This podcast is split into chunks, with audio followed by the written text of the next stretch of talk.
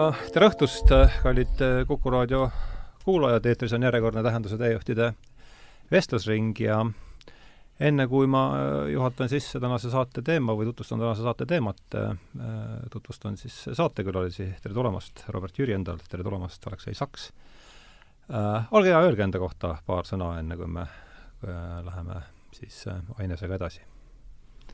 hakkame proovist pihta. kitarrist peamiselt ja aga mingil ajal hakkas helilooming ka huvitama ja nii, nii hirmsasti, et, et tänu sellele kuidagi sai sellest kitarrist isegi eemale mindud või kaugemale mindud, et näiteks koorimuusikasse jõutud mm, -hmm. nii et mhm.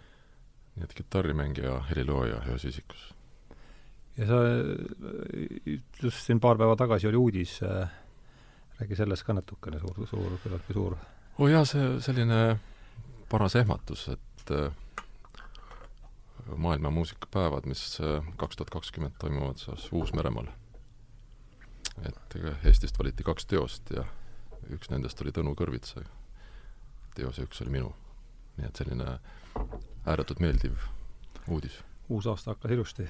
jah, et ei, võib täitsa rahul olla. Aleksei?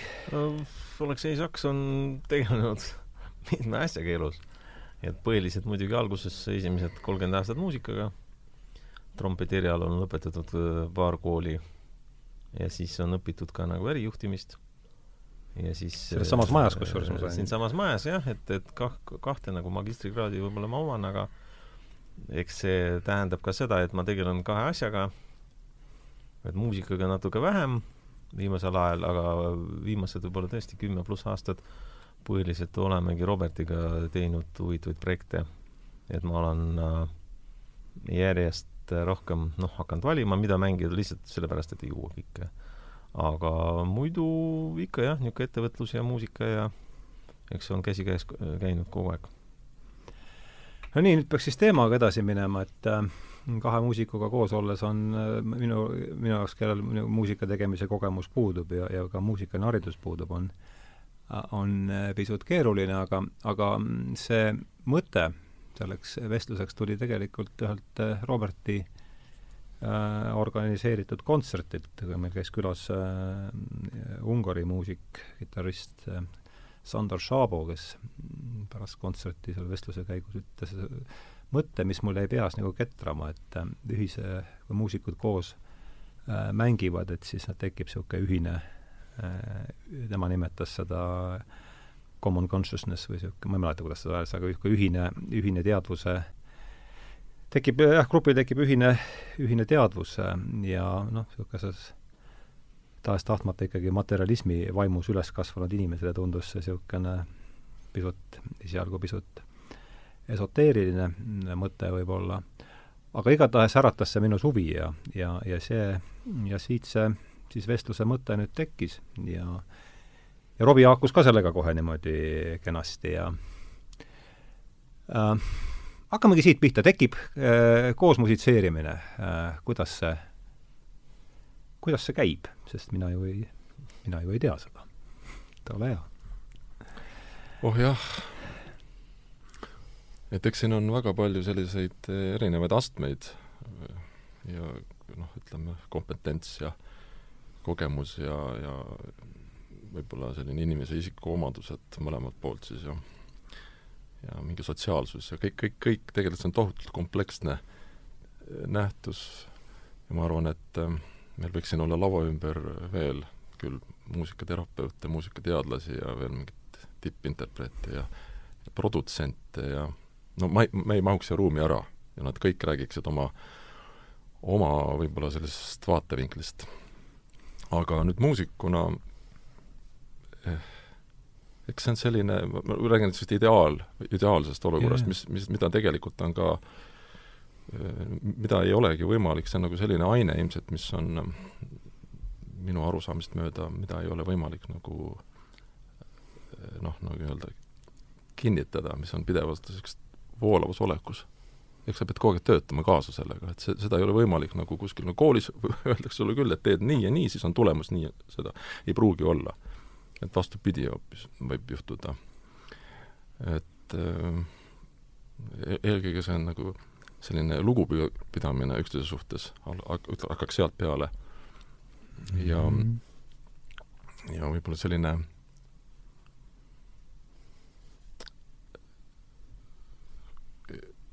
pauside lugemise oskus. ehk siis see tähendab ka seda, et alati ei pruugi see väljenduda, see musitseerimine ei pruugi väljenduda lihtsalt, produtseerimises võib ka väljenduda selles, et sa ei tee midagi. ehk siis sa võid vaikida ka, et see vaikimise oskus on ka kuidagi hästi ilus.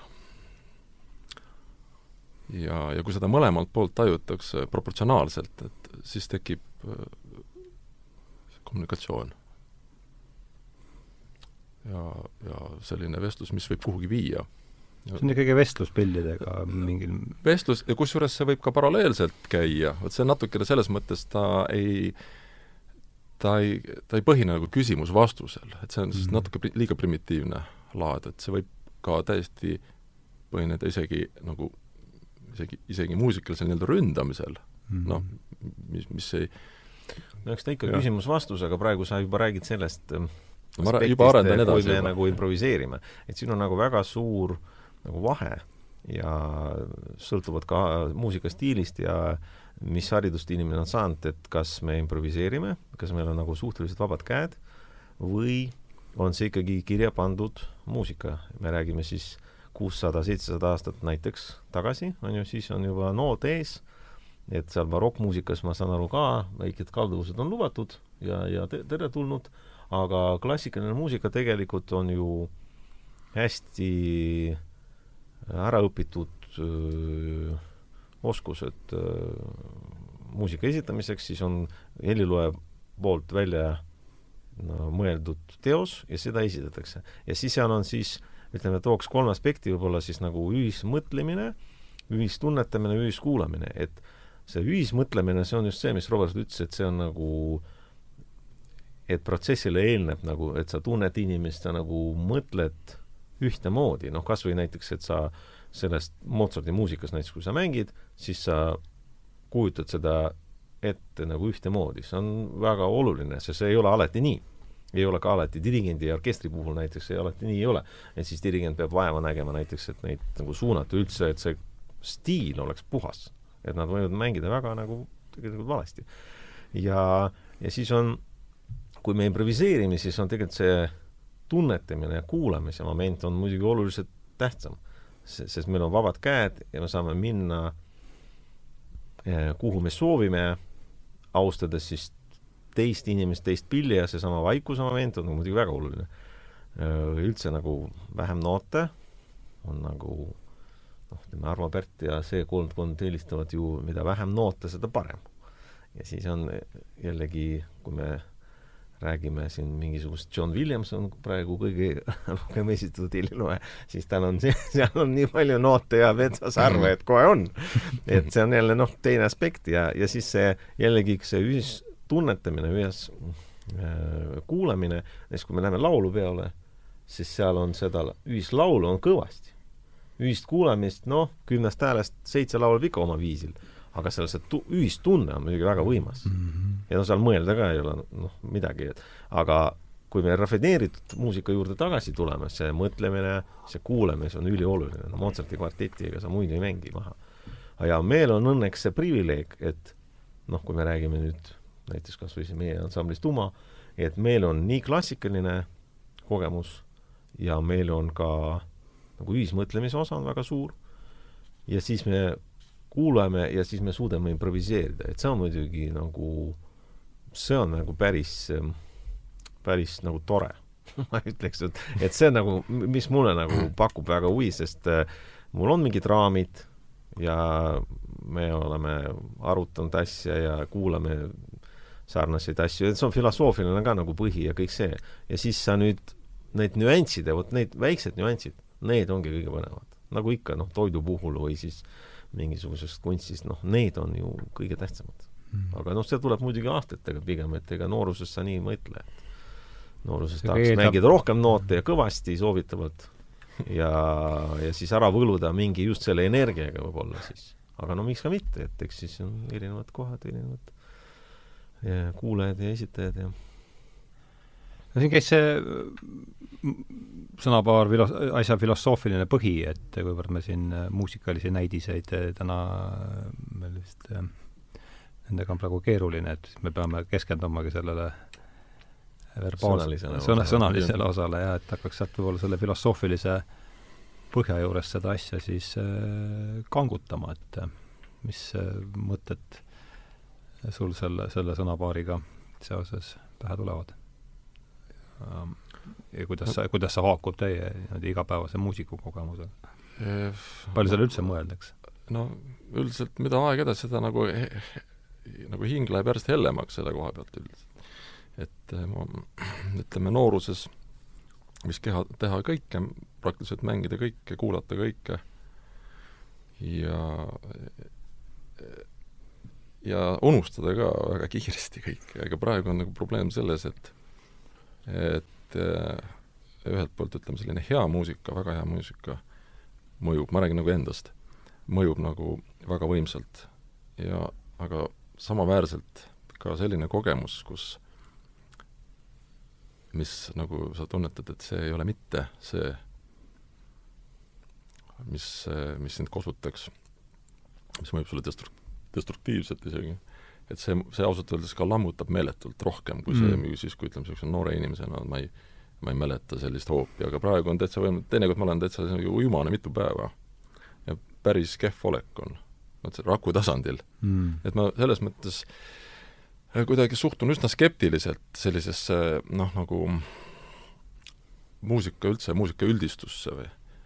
et äh, kui ma õigesti mäletan, siis Immo Mihkelson kasutas kunagi väga hästi, minu meelest väga leidlikult äh, väljendit muusikad. sest tol ajal tundus see kuidagi veider isegi, et, et noh, kõik räägivad kuidagi muusikast kogu aeg, aga mm -hmm noh, ta, ta rääkis muusikad ja tõepoolest, kui nüüd hakata vaatama nüüd järjest nagu tegema neid noh, lahtrikesi eri, erinevate žanrite, ajastute, stiilide, erinevate koo-, noh, koostöövormide noh, järjest pe-, peenemaks minema, siis see pilt läheb kohutavalt kirjuks.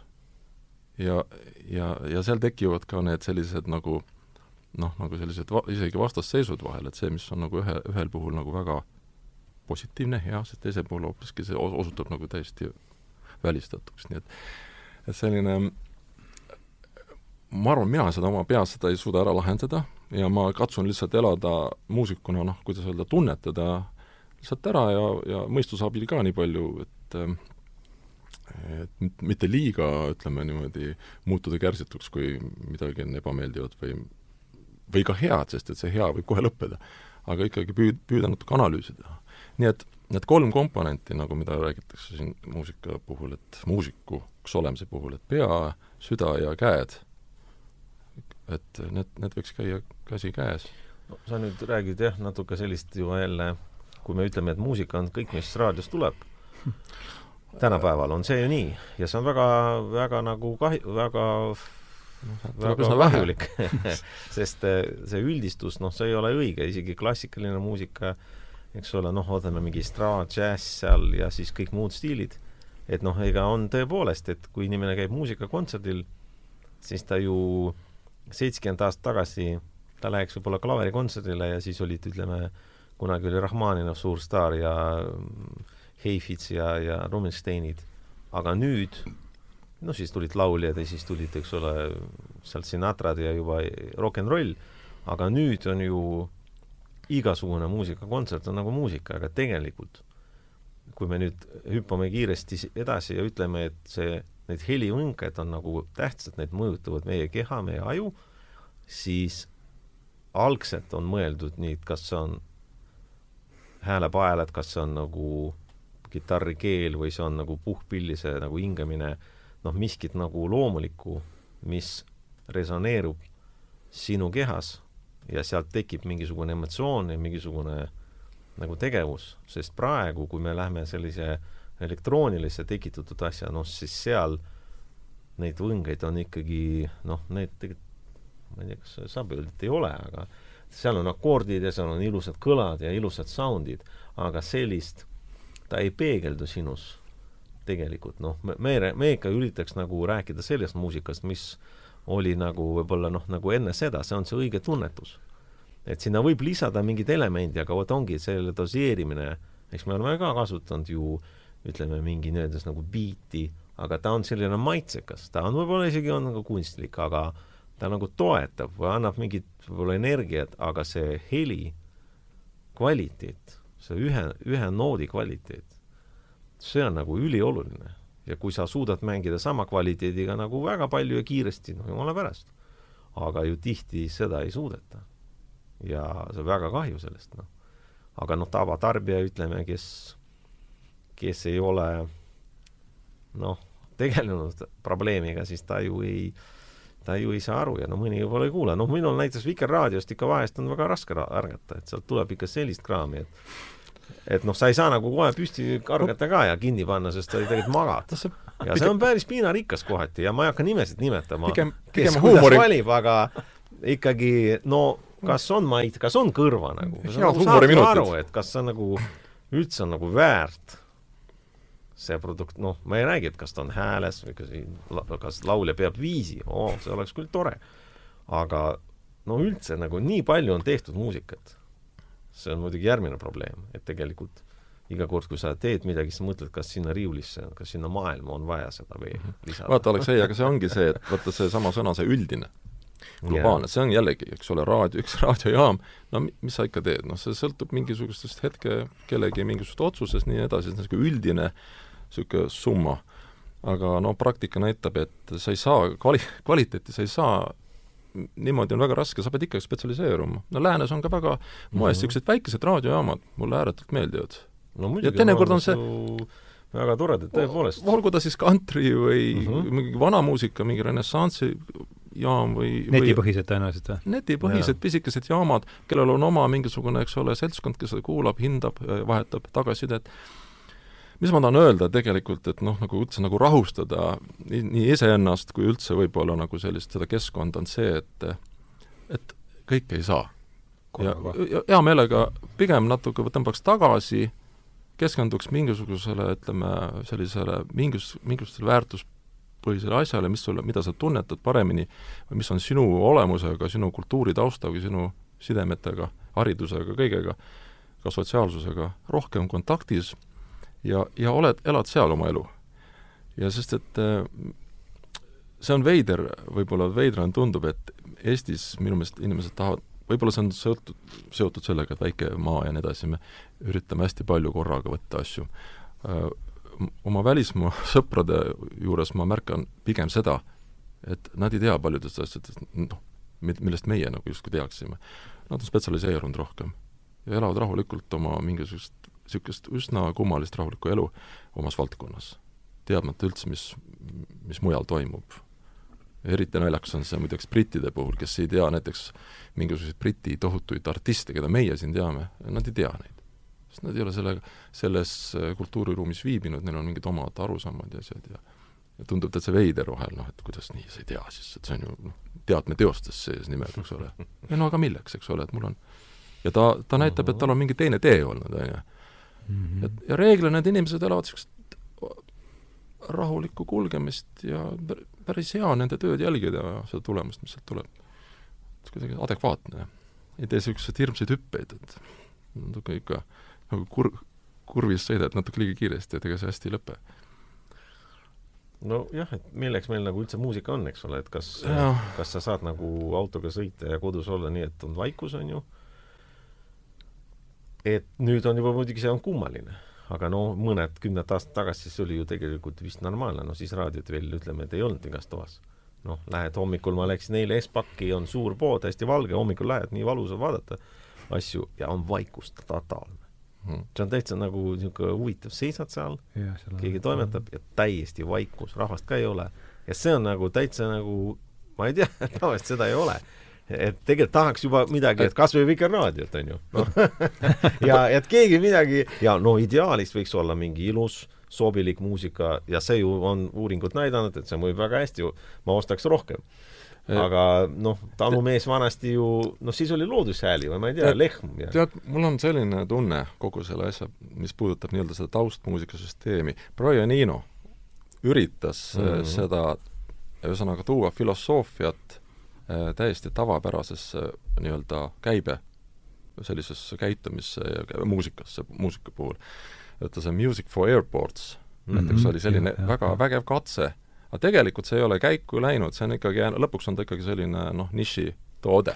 räägi palun sellest lähemalt, ma olen eh, nime kuulnud No. no, ja see nii Jaa. i- muidugi miks ta seda tegi? Nad, ma olen lugenud, et äh, tema jaoks tundus see väga fake, see selline väga reibas ja tore niisugune lennujaama selline, kui sa lähed reisile, lihtsalt tegelikult teadmata, mis, mis, see on niisugune tohutu, noh, see võib tunduda meile endastmõistetavana, lennuk, lendad, eks ole, seal mingi, oled sutsti jär-, järgmises kohas.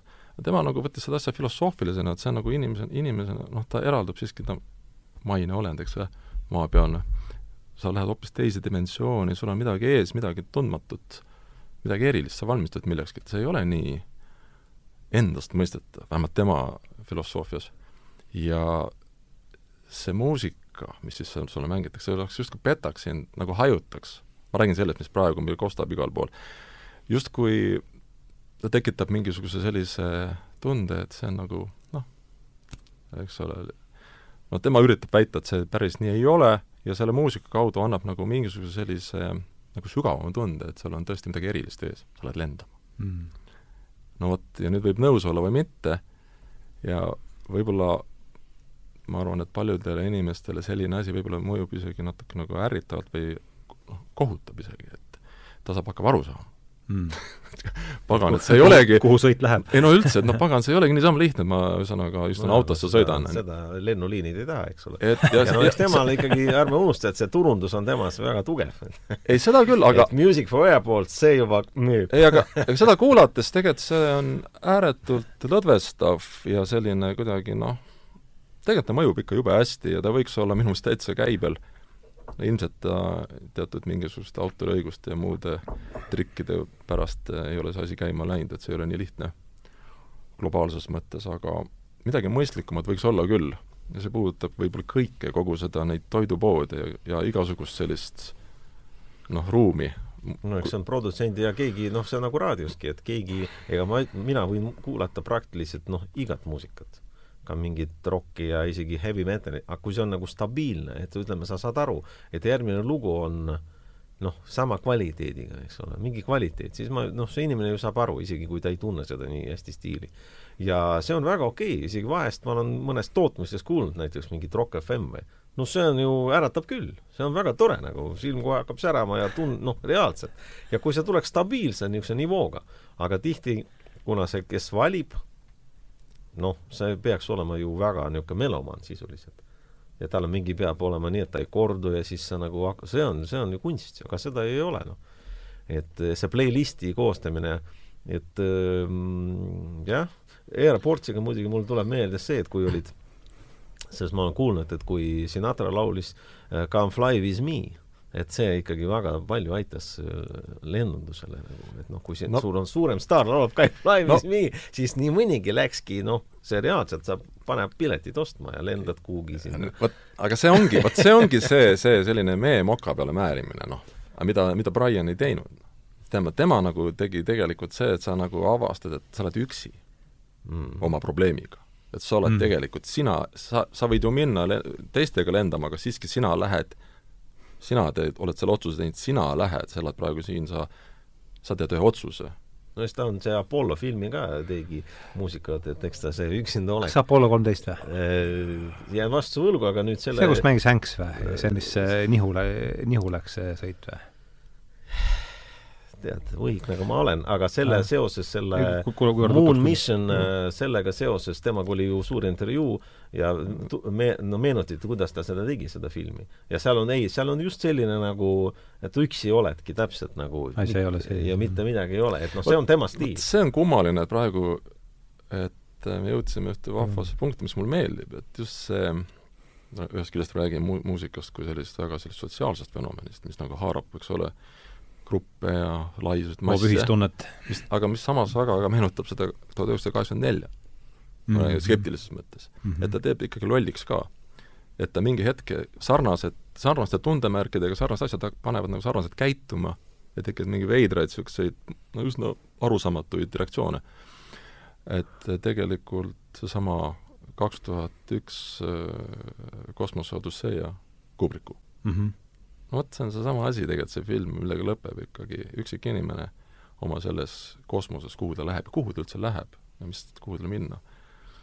Ja, ja see, ja see, ütleme, selline see muusikavalik, mis seal filmis on, seal on Ligeti mm, Lux Eterna, üks lemmikteoseid mul. ja see, see tekitab niisuguse väga kummalise, kummalise tunde, et et sa oled nagu selles asjas siiski, sa pead ise nagu leidma ennast selle teekonnal. ja see muusika nagu aitab selles. Et jah, siin on nii palju erinevaid aspekte, aga huvitav on see, et me rääk-, jõudsime sellest nii-öelda koos mängimisest või sellest ühisest musitseerimisest hopsti siiani. Aga jah, siit on neid niidiotsi jälle, mida sikutada on üsna mitu, et äh, prooviks sellega, mis äh, ma siin Aleksei mm, ma jutust kirja panin, et muusika resoneerub meie kehadega, et äh, seesama resonantsi mõiste, see on no, ütleme, see oleks üks asi, mida võiks kui me räägime, muusika puudutab noh, hinge öeldakse, eks ole. puudutab inimest, see on mingi ilu. Noh, mina olen seda fraasi kasutanud, et on äh,, ilu on Jumala nimi, et see on miskit, miks meile meeldivad asjad nagu looduses, need proportsioonid, sest noh, mina väidan, et sealt me näeme seda äh, maailma loomist või seda nagu jumalikku nagu seda mõtet, seda skeemi, see võib olla matemaatika, loomulikult see on kõik, võib ka numbritesse panna, aga me ju tajume ja tegelikult me oleme osa sellest ja see on tegelikult peegeldus ja noh, kui me kuulame miskit, muusikat, ega ei ole tähtis, mis akordid või mis isegi stiilis, ta kuidagi meid puudutab, sest tegelikult need võnged, need võiksid olla nagu noh, loomulikult, ma ei tea, kuidas me seda ütleme, aga nad noh, meis nagu peegelduvad. Ja kui see ei peegeldu, vot siis, siis sa ju saad aru, et see on tegelikult ei, ei kõneta sind, ei puuduta sind. et äh, ja see algab nagu sellest heli kvaliteedist nagu noodi kvaliteedist, sellest kirja pandud muusikast, et need akordid ja need üksikud noodid või koos, kooskõla, eks ole, noh, mida rohkem inimesi, see on tegelikult ju keerulisem, see on juba stiil, see on koolkond, see on ajalugu, see on nagu sajandid, on ju. Äh, koorimuusika või laul on selles mõttes natuke lihtsam, see on ürgsem. Ja see jõuab meieni nagu palju kiiremini, kõik saavad nagu sellest aru. Äh, juba selline klassikaline muusika rafineeritum on keerulisem, mingid, ma ei tea, võtame seal kitarri ja kui see on juba bändid, siis seal on ikkagi see heli kvaliteet, ega jällegi nad on väga, ütleme, kui me hindame samas Briti, ütleme, rokk, eks ole, või no, või need on ju tegelikult väga head muusikud. see tase on tegelikult ül-, üli, ülihea, nad on harjutanud. seesama Queen, kus tehti proove? nagu sa viimistled seda viimase, tegelikult ega võta üks, ükskõik, ma alati nagu olen mõelnud, näiteks kui on mingi amatöörbänd, nad oskavad mängida ainult ühte stiili, aga nad võivad seda mängida väga hästi. no kui just muidugi üldse nagu näiteks Billy Harrington, no siis muidugi ei aita midagi, mhm. aga ta ei pea oskama kõiki asju üldse no see, seesama no, nagu Robert ütles, tõmbad... et see viis protsenti on okei okay.. aga sa mängid seda nii hästi ja nii stiilselt. aga seda on ka harva, sest seal on jällegi tekib küsimus, kas sa elad sellest ära, kas sa teed ainult seda või siis sa teed vahepeal midagi muud ja, ja nii edasi ja nii edasi. et see on nagu väga triki. et klassikute puhul on see muidugi lihtsam, nemad, ütleme, kui sa oled klassikaline pianist, siis sa ainult seda teed, harjutad ja noh, sõltub, kui sa alustasid kolme või viieaastaselt või noh, kõige parem, kui sa oled eelmises elus pianist, siis on muidugi veel lihtsam. et muidu no ei jõua eluajal ei jõua nagu siin ei jõua publikuni et, ähm, et need helivõnked ja see kvaliteet ja see peegeldub, et see on kuidagi ju kaunis heli, noh, looduses ma just, noh, eile ka mõtlesin, et äh, natuke lugesin ja mõtlesin, et noh, mis loodushääli me muidu nagu ümberringi, et noh, tuul ja vesi, noh, Arve Pärdile väga meeldis, kui on, eks ole, sisehoovis vesi, noh, vihmaga mm. tilgub, see on muidugi, see on üks nagu väheseid võib-olla nagu helisid, just see nagu vihmast tulenevalt mm., üldse vesi voolab ja see on niisugune energia ja, ja tuul ja meri, meri, eks ole, noh, et see on kõik äh, vot, et niisugune zen ja Robert näitab mulle raamatut, et No, see on niisugune, et see on muidugi see, see ka jutt on siin kõik sees. aga nüüd, kui me, siis on laul, erinevad, eks ole, seal Aasia, Luba siin kultuurid, kirikus, eks ole, religioosne, et äh, hääl on arusaadavam, aga edasi instrumentaalmuusika, see on tõesti juba nagu keerulisem. ja kui on mitu pilli koos, see on nagu, läheb järjest, järjest nagu keerulisemaks ja seal, sealt seda välja tuua, seda magic ut on nagu veel, veel raskem. nojah, sa, sa räägid ka, eks ole, ikkagi sellisest nagu ütleme, nagu väga niisugusest ideaalpildist, ütleme, muusika puhul. et kus on nagu selline kuidagi noh, ütleme, korrastav, korrastav efekt. aga mind nagu ajab väga rohkem, tohutult segadusse just see, et, et järjest rohkem ilmub sellesse nagu maailma, ütleme, sellist muusikat, mis ei tahagi olla korrastav. ja vot see, ma tahan lihtsalt aru saada sellest ja ma olen nii mõnega aega vaidlenud sel teemal. ja noh, et mis on see eesmärk ja mis on selle, kogu selle asja idee ja mõte, ja see tekitab segadust, sest ma tahan aru saada. saad aru? me oleme ei räägime praegu kommertsis, eks ole, kas see on turundus, kas see on müük, sa tahad eristada, sa tahad müüa. ärme unusta, et nagu noh, mõned on ikkagi lihtsalt katust sõidab. ega seda juhtub väga tihti. see on lihtsalt nagu selline sündroom. ja see, küsida tema käest, mida ta arvab, miks ta seda tegi, no see on tupik. see on tupik tegelikult. Et äh, me räägime sellisest just, et inimene on andekas näiteks, ta on harjutanud, õppinud ja ta läbimõeldud ja teadlikult saab aru, mida ta teeb ja mis seesama elufilosoofia, et millega ta kooskõlas on. ja ta üritab seda teha nagu paremal viisil. ja Okei. võib-olla luua midagi uut. aga mis No. sa räägid black met-, metalist siis näiteks, kes, sa ütleme, kõik see printsiip, ta on harjutanud, käinud koos, proovi teinud, super hästi mängivad kokku, no siis Must on maagia ja ja, rahvamassid. on- Tume. no see on, see on juba tume, jah. aga kuidas ega see energia võib olla muidugi, et ega seal vaata neid selgeltnägeja tuleb roov lemmik saada, onju. et eh, seal on, kust see tuleb, noh. seal on ju, nad ise ütlevad, et mina toitun sealt ja see toitub sealt. aga muidu vaata, et, et show on täpselt sama, noh. vastus on õige. ja siin ma ütlengi, et see, ütleme, ütleme Mihkelsoni see, see määratlus, et see muusikaad on su- suhteliselt õige, sest me ei saa, me läheme muidu, selle tekib kohe selline kokkupõrge, et, et see on, siin on ikkagi valdkonnad on nii erinevad, et need, need printsiibid ei haaku, eks ole. nagu ütleme, sa vaatad seal India muusikat, kus on kõik, peab olema ilus algusest peale, eks ole. kogu see, kogu see juba, kuidas õpitakse seal õpetaja juures ja kuidas Väga kaua. aastaid, kaua, kõik peab ilus olema. ma vaatan praegu, kuidas äh, Anushka S- Shankar, Shankari, Ravi Shankari tütar, kui vaatad tema esinemist, see on noh, suurepäraselt kena naisterahvas, riietus, milline on, see on nagu oleks mingisugune noh, tohutu tikandid, mingid kalliskivid maitsekalt. ja, ja muidugi tema, ütleme, kogu see selline füüsiline vorm ka, et kuidas ta üldse laval on, see instrument, instrument ise on kallis, kaunis ja kallis ka, selles mõttes, et käsitöö ehi-, ehitatud ülimalt täpselt, püüdlikult. seal on nii palju komponente, kõik see selline, kogu see, kogu see ruum ja lõpuks siis see kontsert ja need teised muusikud, et see on noh, vot see on nagu selline, kuidas öelda, me räägime siis niisugune tohutult selline mm, täiusliku muusika poole nagu minek juba alg, alg nagu sellisest äh, elemendist. aga mõnede jaoks ei ole.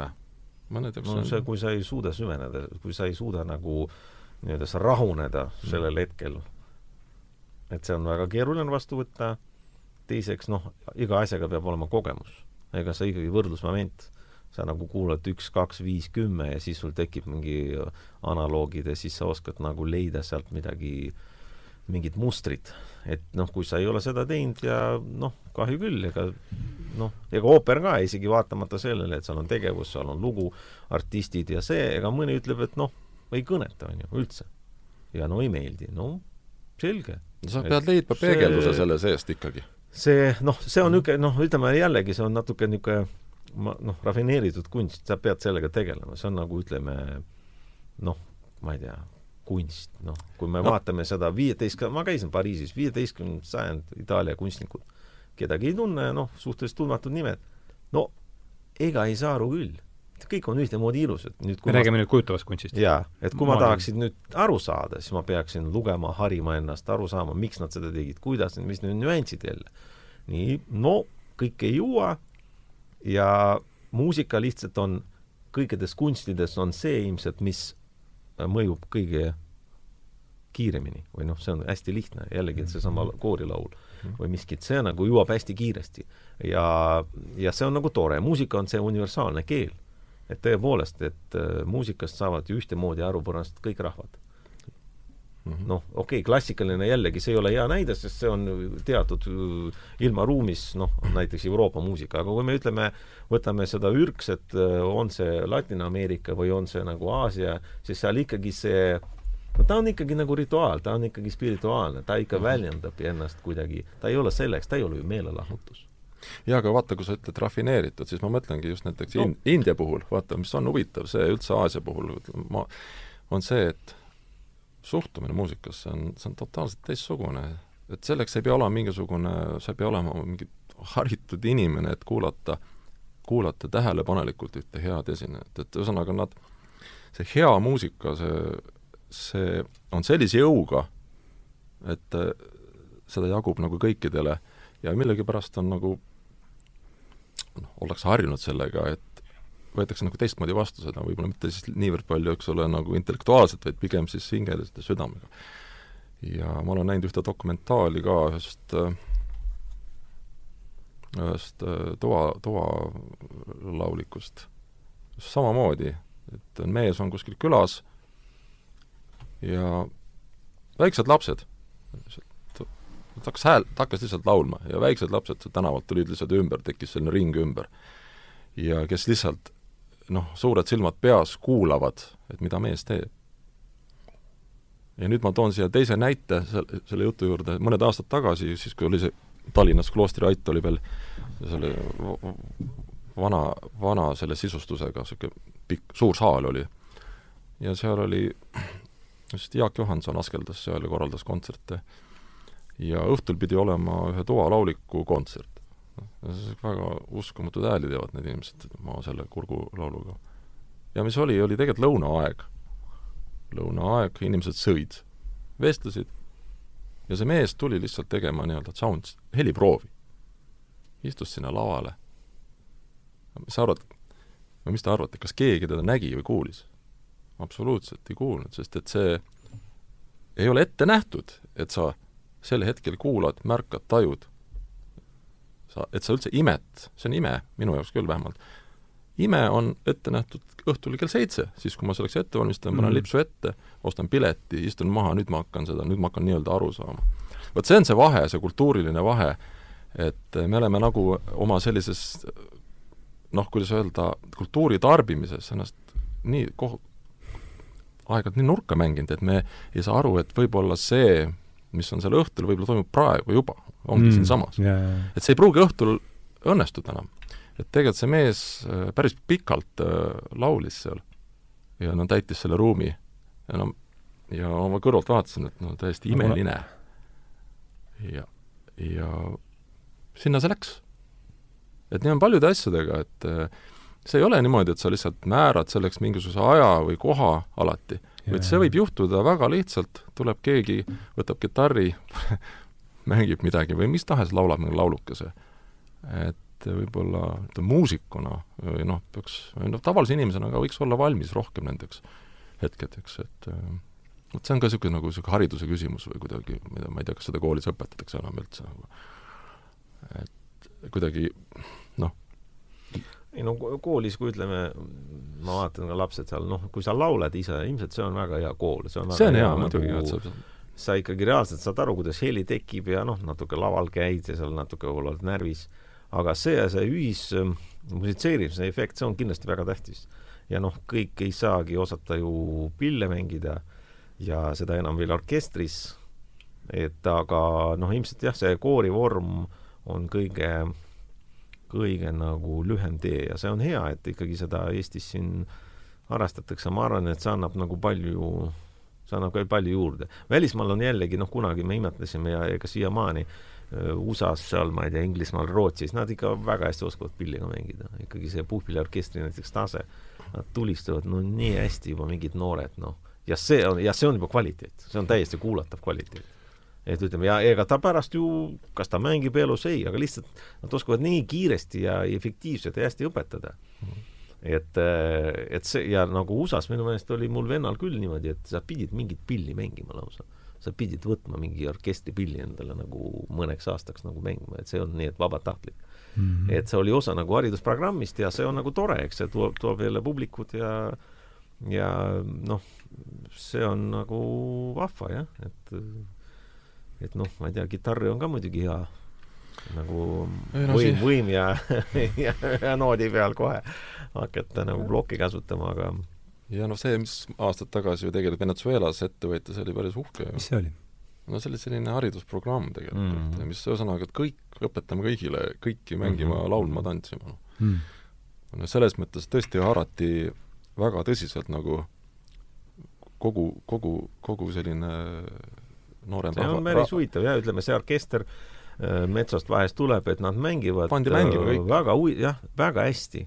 ja vaatad neid nagu rõõmuga, väga niimoodi energiliselt ja need näod, no see ei ole tüüpiline nagu nii-öelda lääne orkester või ei ole see tüüpiline Aasia orkester, kus nad hästi palju harjutavad. aga seal on see kombineeritud et just nagu on rõõm veel on olemas mhm. ja ta va-, vaatad teda, vaatad, tegelikult ta nagu ei peaks mängima tore film on Kaurismägil on Sambast, mis on mm. ka, ütleme, haakub selle teemaga, et noh, selline samba orkestritest, mis siis äh, Lõuna-Ameerikas ja selle aja, nende ajaloost ja üldse kogu, mis seal toimub, see see on ka väga huvitav vaadata, see on täielik sotsiaalne efekt, et sinna, kõik sinna tulge. ja igaüks saab mingisuguse oma rolli, see võib olla väga mingisugune löök, eks ole, kogu selles väga keerulises rütmilises struktuuris kus sa siis lihtsalt mängid kaasa teistega ja kokku kõlab see nii ägedalt. ja sa oled tegelikult see, kogu see resonants ja see koos noh, musitseerimine ja see vaimsus, see on väga võimas asi.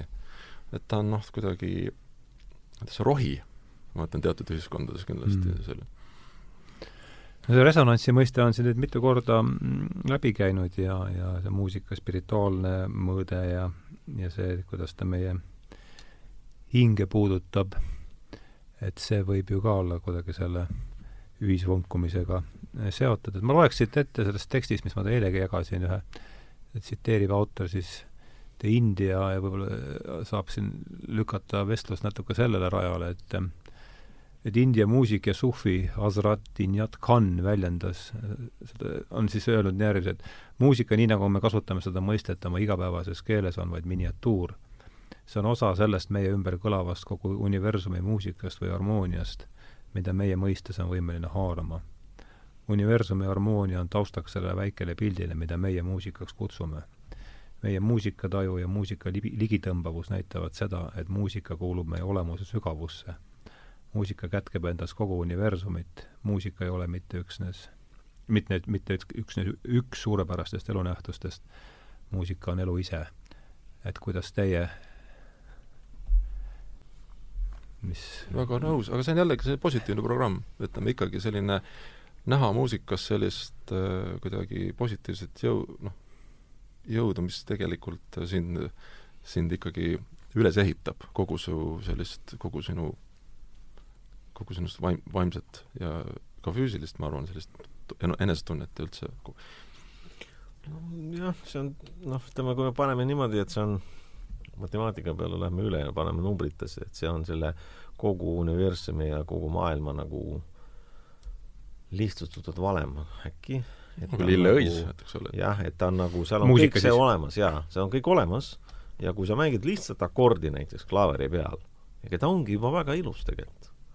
ja ta on kuidagi hästi selline nagu öeldakse, harmooniline või aga seal on ju tegelikult ju mingid sagedused, mingid suhted nagu helide vahel ja see, mida me tunneme ise, kui me ei räägi veerandtoonidest, vaid ikkagi sellisest tavaliselt nagu pooltoonid ja, ja muusikas, see on ju mingisugune valem, mis toimib ja meist kõnetab. et kui me oskaks, noh, kui me läheme väga matemaatiliseks, siis see on ilmselt läheb väga keeruliseks ja võib-olla keegi suudaks seda, võib-olla see valem, mis seal sees on täpselt samasugune, mis on mingi, ma ei tea, DNA ja mingi kosmose, et ülesehitus on tegelikult sama. see on lihtsalt väike peegeldus mm. -hmm. ja selles osas on muidugi, ta ongi osas see, mida meie osa. oleme võimelised tajuma. jaa, noh jah, et me võime seda nagu analüütiliselt ja matemaatiliselt, mul oli üks tuttav Felix Travdanikas, kes kirjutas muusikateooriat juba nii keeruliselt, seal läks kõrgemaks matemaatikas kätte. võib-olla ta oligi seal juba nagu, võttiski neid nii juba noh, ütleme jupideks, aga noh, see, see on arusaadav, on keeruline. tegelikult mind see akord ikkagi kõnetab. see on, Just, see on su subjektiivne millest kogemus. millest see koosneb, noh, jumal, ega kust ma ka tean, aga mul on, noh, kas ilus või ei ole. ja edasi on juba noh, see esitamisviis, aga see esitamisviis, see on nüüd küll nagu natuke nagu ma ütleks isegi suhtumise küsimus, sest ega mm -hmm. tihti ei ole see professionaalne oskus, nagu ma ütlesin, amatöör või näiteks väga tihti on hea vaadata, kuidas lapsed mängivad. ega laps ta veel ei oska, aga tal on see tahe ja ta on harjutanud seda lugu, ta on nagu fokusseerunud ja see rõõm on veel olemas. aga tihti ega see kaob ära. ja kas ta läheb siis niisuguseks niisuguseks rutiiniks või ta läheb väga meelelahutuseks, kus on lihtsalt nagu Take the money and run projekt, et äh, noh, et tegelikult see algne ürgne see rõõm ja see valem, see võiks nagu olla rohkem esindatud. ja seda me tegelikult tajume, sealsamast mm. raadiost hommikul me tajume ja see, me saame ka kohe aru. no ma arvan, need, kes vähegi nagu on tegelenud muusikaga, nad saavad aru, et see tegelikult ei ole päris see. noh, kui ütleme, Marju Kuud laulab, seal on midagi.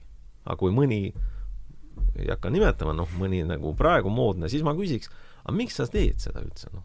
ma saan aru, et noh, muidugi no, tahaks olla popp, tahaks olla laval, tahaks raha teenida. no aga ma ei tea, tee midagi muud. Et elus, noh, et kas sa teed seda raha pärast või siis sa teed seda nagu mingi selleks, et osa, olla osa sellest maailmast.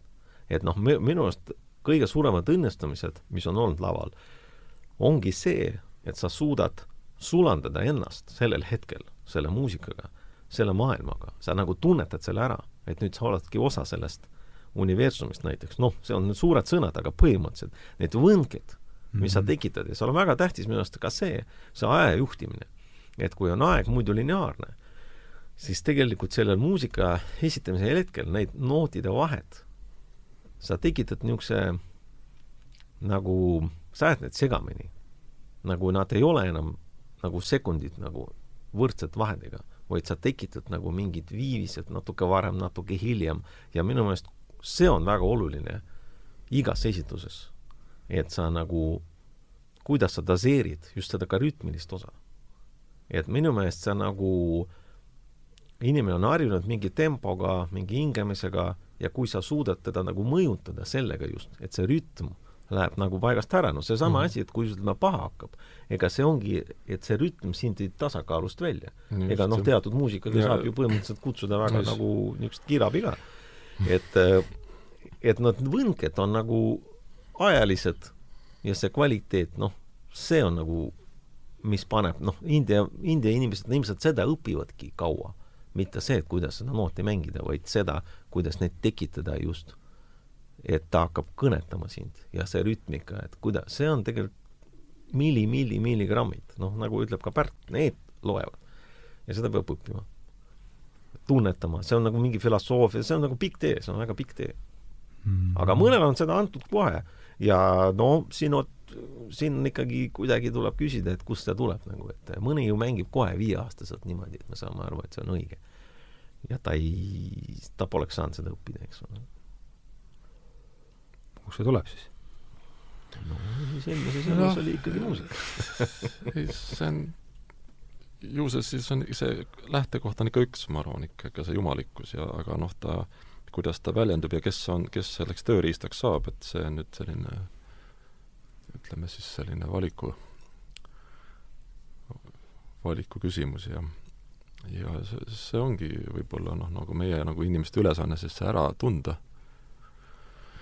sellest aru saada ja nagu ma ütlen, et tõesti, et see ime, mis, et ime ei sünni kell, kell seitse õhtul et see mm., see, see, see võib, võib-olla juba möödas ei tulegi enam. Ja samamoodi nende, nende lastega ka, et, et selleks, seda peab ka märkama. ma arvan, et väga palju jääb märkamata.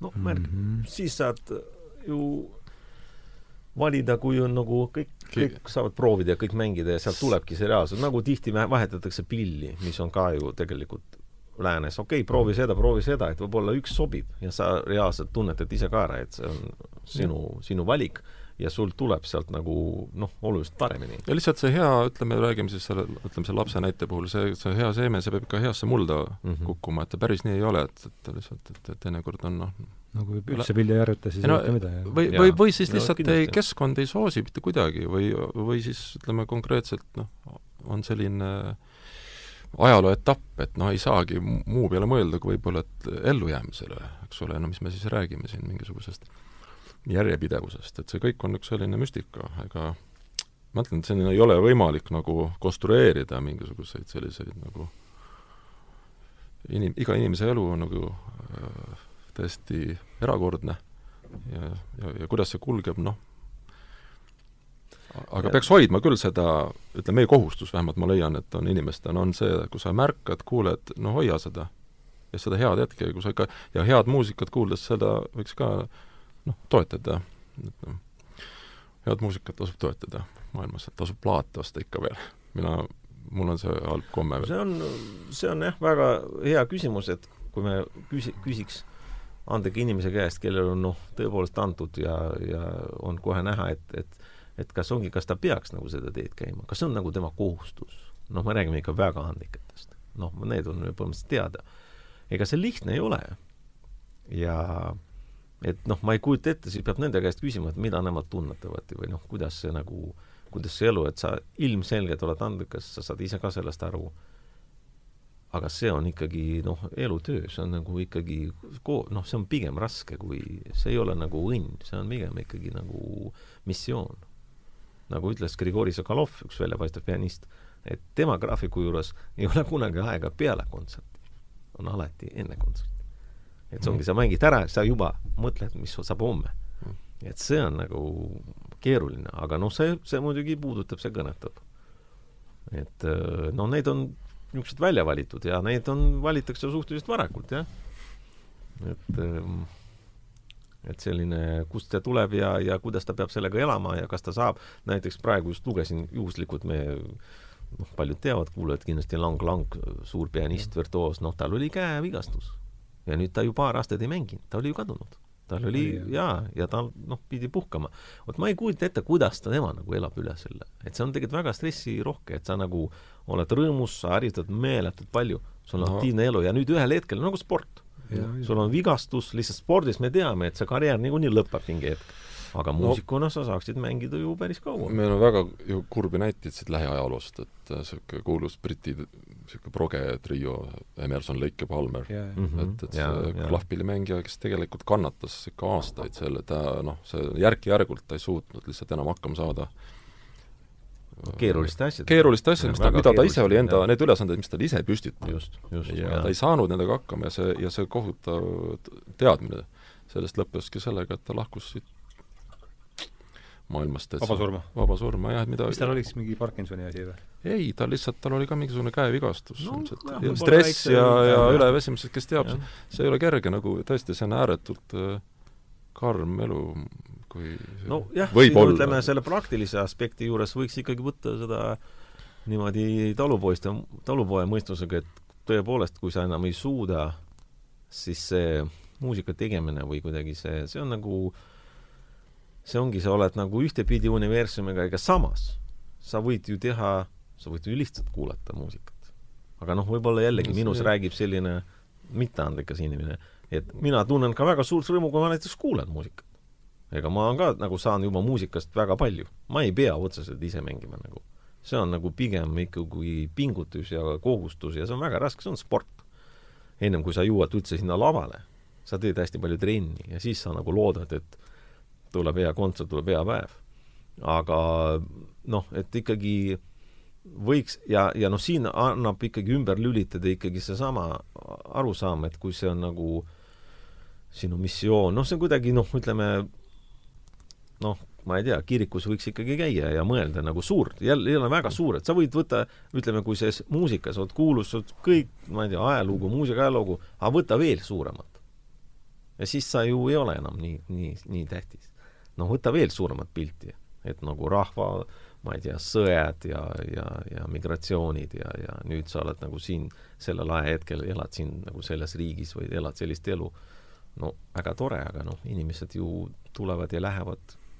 et selline, no see on muidugi noh, depressioon, et eks see on, palju muusikutel on seda kindlasti, seda on võib-olla vähe uuri-, uuritud, sellest on vähe räägitud, aga neid näiteid on kahjuks on küll, jah, Peterburis oli täpselt sama asi. tagantjärgi et on äh, inimene nagu eluaeg on mänginud orkestris suurepäraselt ja ühel päeval ta enam ei saa, miskit seal jällegi juhtus ja öeldakse, et väga tore, kuule, et saadame sind pensionile ja ta, et kõik on tegelikult hästi.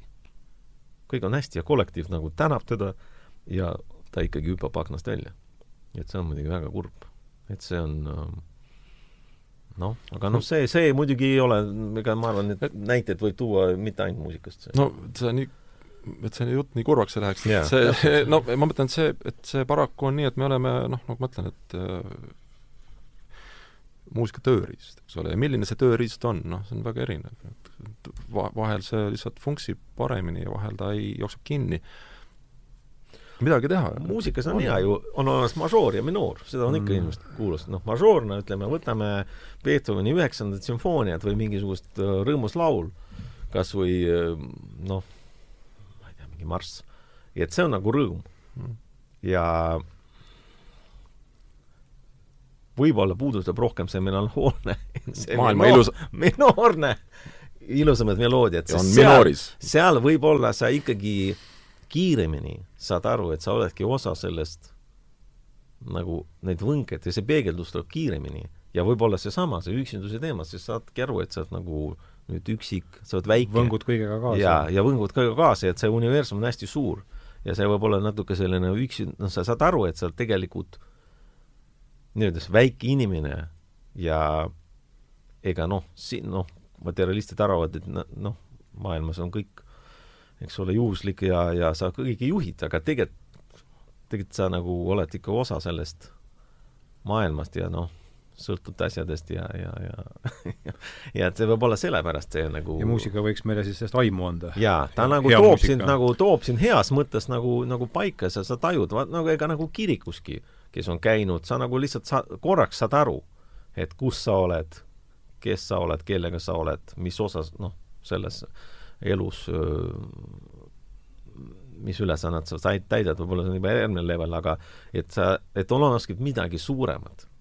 ja see aeg jääb nagu seisma korraks ja nagu mm. see on oluline, sest ega muidu me tormame ja tormame ja tormame et see muusika aitab kiiresti, seda kiiresti tuua. ütleme, kui me läheme, kui keegi meile räägib, siis võib-olla läheb ikka minutit ennem, kui me, ja see peab hea rääkija olema, siis me jõuame ka sinna mm. -hmm. aga muusikaga ja tegelikult me, kui on sobiv hetk ja nagu ütleme, kontsertsaalis me oleme fokusseeritud, siis see saabub väga kiiresti, me saame kohe aru. ja tegelikult võib-olla see ongi, kontserdil on ka hea käia, ega see on selline teraapiline.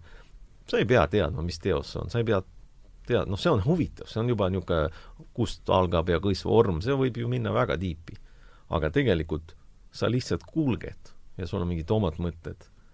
Aga kui see on vähegi hea esitus, see aitab sul nagu tunda ennast, noh, selles maailmas võib-olla nagu õige osana. vaata, siin on mõned, mõned lihtsalt valdkonnad on sellised, või noh, mõned instrumendid on ju sellised maagilised lausa, et mis, mida lihtsalt inimesed äh, mil-, nende pillide kõla lihtsalt inimesed naudivad lihtsalt, teadmata üldse või no isegi neile ei ole oluline, mida, millist muusikat nende peal mängitakse.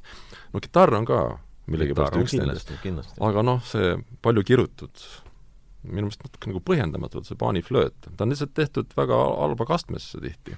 aga no ole nagu aga, aga oleme ausad, lähme ütleme, kerime ikka tagasi selle asja sinna, paneme selle paaniflöödi sinna alg ütleme, andidesse sinna mägedesse, see on ikka meeletult ilus. ütleme seal kogu selle looduse ja selle, selle keskel, see võib olla, ja veel kui koos mängitakse ja niimoodi kogu see, kogu see peegeldus ja kaja ja ja noh, et see oskus ka, et viia tegelikult sinna algelementi, et kui midagi on rikutud siin maailmas, me oleme ikka ise ära rikkunud selle mm. oma totrusega mm. -hmm. et see ei tähenda, et, et tingimata, et nüüd peaks nagu see algelement olema väär, eks ole me kõik mm. asjad võib untsu keerata.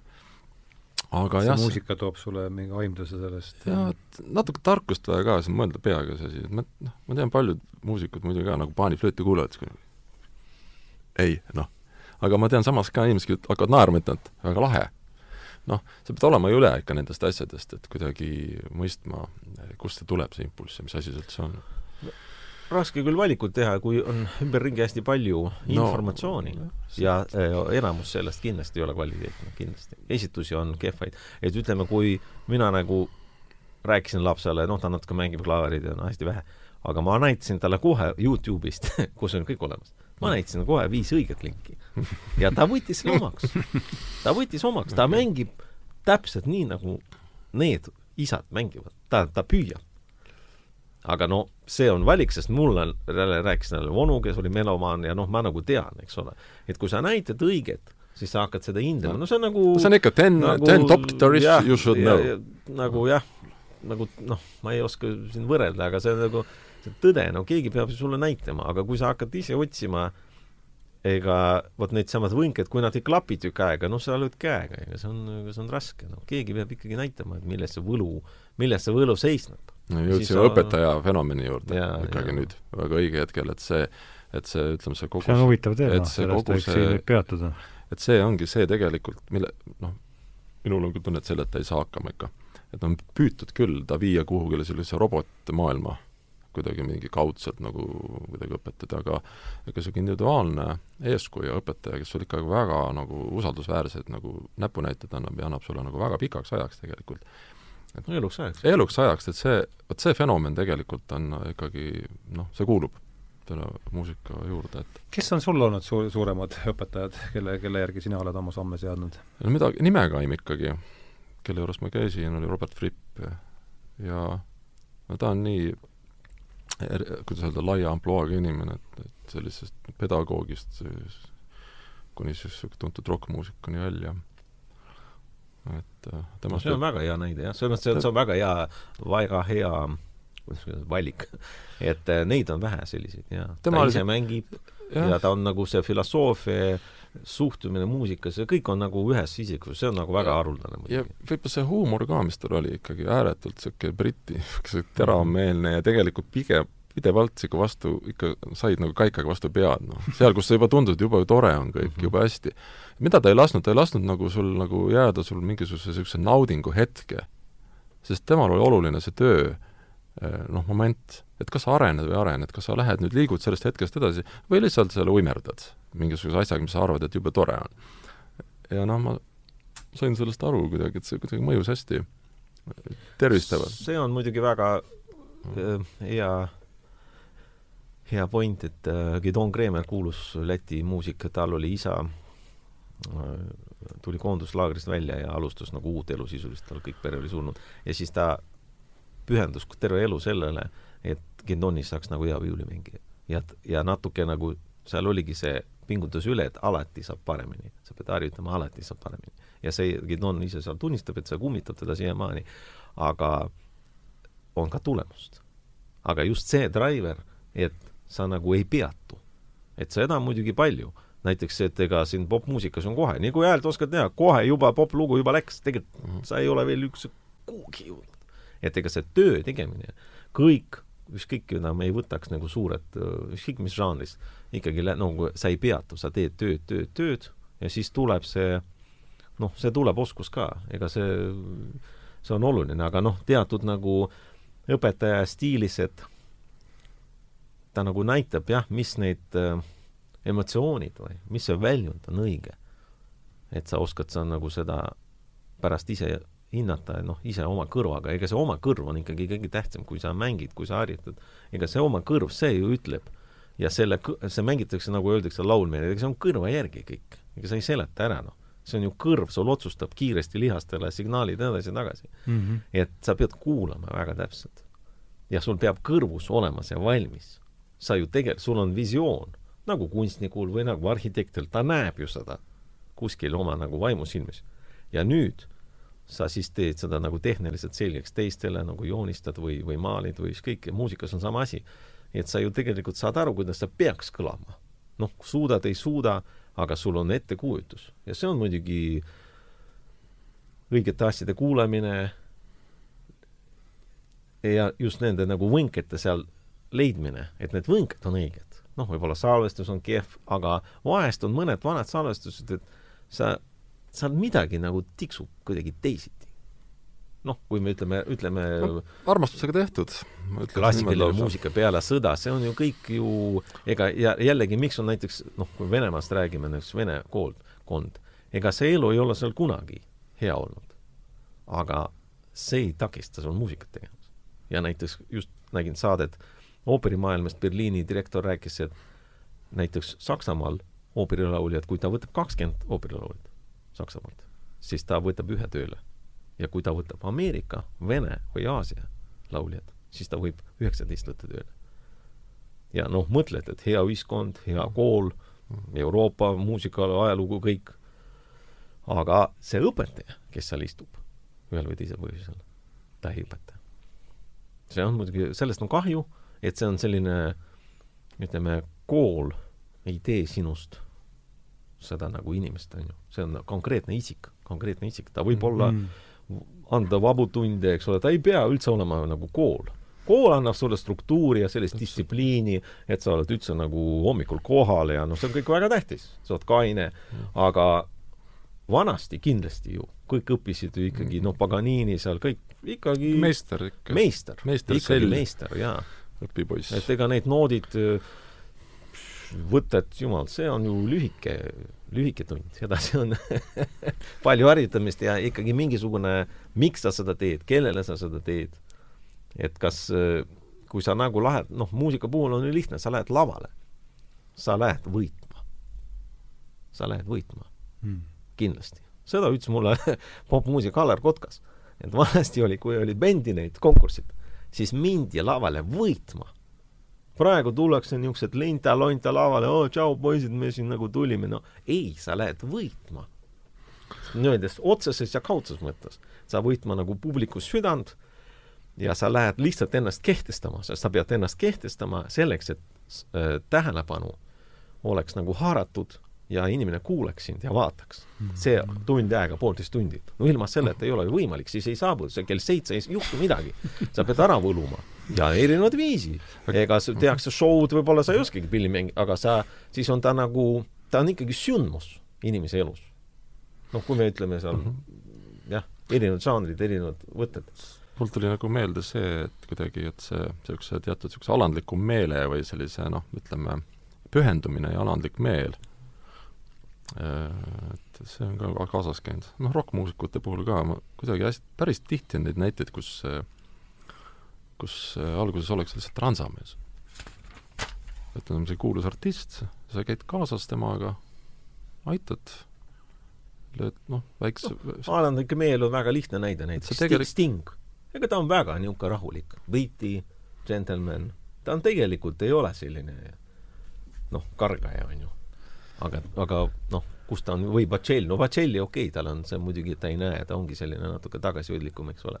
aga neid on palju näiteid. aga nad on ometigi väga suured staarid, no need on, nad on tegelikult nagu sellised, et noh, heas mõttes sellised nagu, kuidas öelda, väga positiivsed tsentrumid, mis hakkavad lihtsalt, või meediumid, noh, mis hakkab tegelikult tõmbama kogu... väga hea haridus ja, väga hea kokkusattumine õigete inimestega õigel ajal et aga no nad on kõik käinud, noh, need, konkreetselt, nad on õppinud. see hakkab tõmbama tegelikult nagu külge. kõike, see hakkab lõpuks liitma neid, neid osasid, mida sa muidu nagu noh, ütleme projektijuhina sa ei suuda.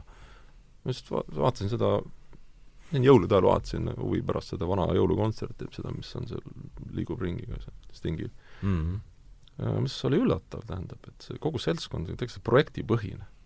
Siis back'i lauljad, sul neli lauljat, ja sa saad vaadata, et üks on New Yorgist, üks on Kanadast, üks on Austraaliast, üks on ma ei tea kust veel. Nad laulavad nii, nagu nad oleks mingisugune ansambel eluaeg koos laulnud. ja paneb mõtlema ikka.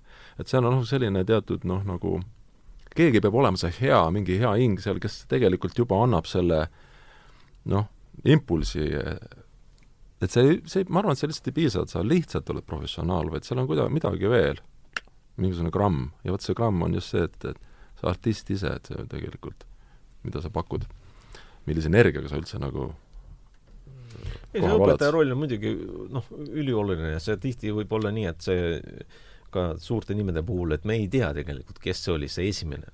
kas ta on nagu vanemad või on see mingi, võib-olla see esimene õpetaja oligi mõnes mõttes kõige tähtsam. ta võib-olla ei osanud teda õpetada lõpuks professionaaliks, aga see mingisugune impulss. see oli huvi nagu, äratamine. jah, huvi ja, ja mingisugune just, et see, sul tekib mingisugune tahtmine ja see kestab läbi elu. mulle ikka meeldib see maagia hetk alati. see on huvitav. et no näiteks need tuntud, tuntud nende bändide puhul ka, see, et see, just see maagia fenomen, et bänd üheskoos teatud ajal, teatud tingimustes on võimeline luua metsikult ägedat asja, täiesti uskumatu. Hiljem, ütleme, et koosseis laguneb, hakatakse nagu omaette asju ajama, ei tule teinekord, no kuidagi ei tule. Mis kõneleb justkui selle ühisteadvuse kasuks, kuhugi midagi on, midagi olulist on kadunud, just, et midagi olulist on kaduma läinud. Ja tekib omavahel ja haakub kuidagi selle ajavaimuga ja on muidugi ja, häid, häid äh, erandeid loomulikult on, aga, aga pigem ikkagi selline noh, selle kollektiivse mingisuguse sellise kuidagi teadvuse noh, olemasolu, et seda ei saa asendada mitte millegagi ja seetõttu ei saa asendada neid samu mingisuguseid amatöör, väikseid ansambleid, kellel on oma kollektiivne teadvus, mis võib olla väga imelik meie jaoks ja me ei suudagi sellest aru saada ja me ei suuda isegi järgi mängida seda teha või ütleme, kui me tahaksime neid kopeerida, ei saa.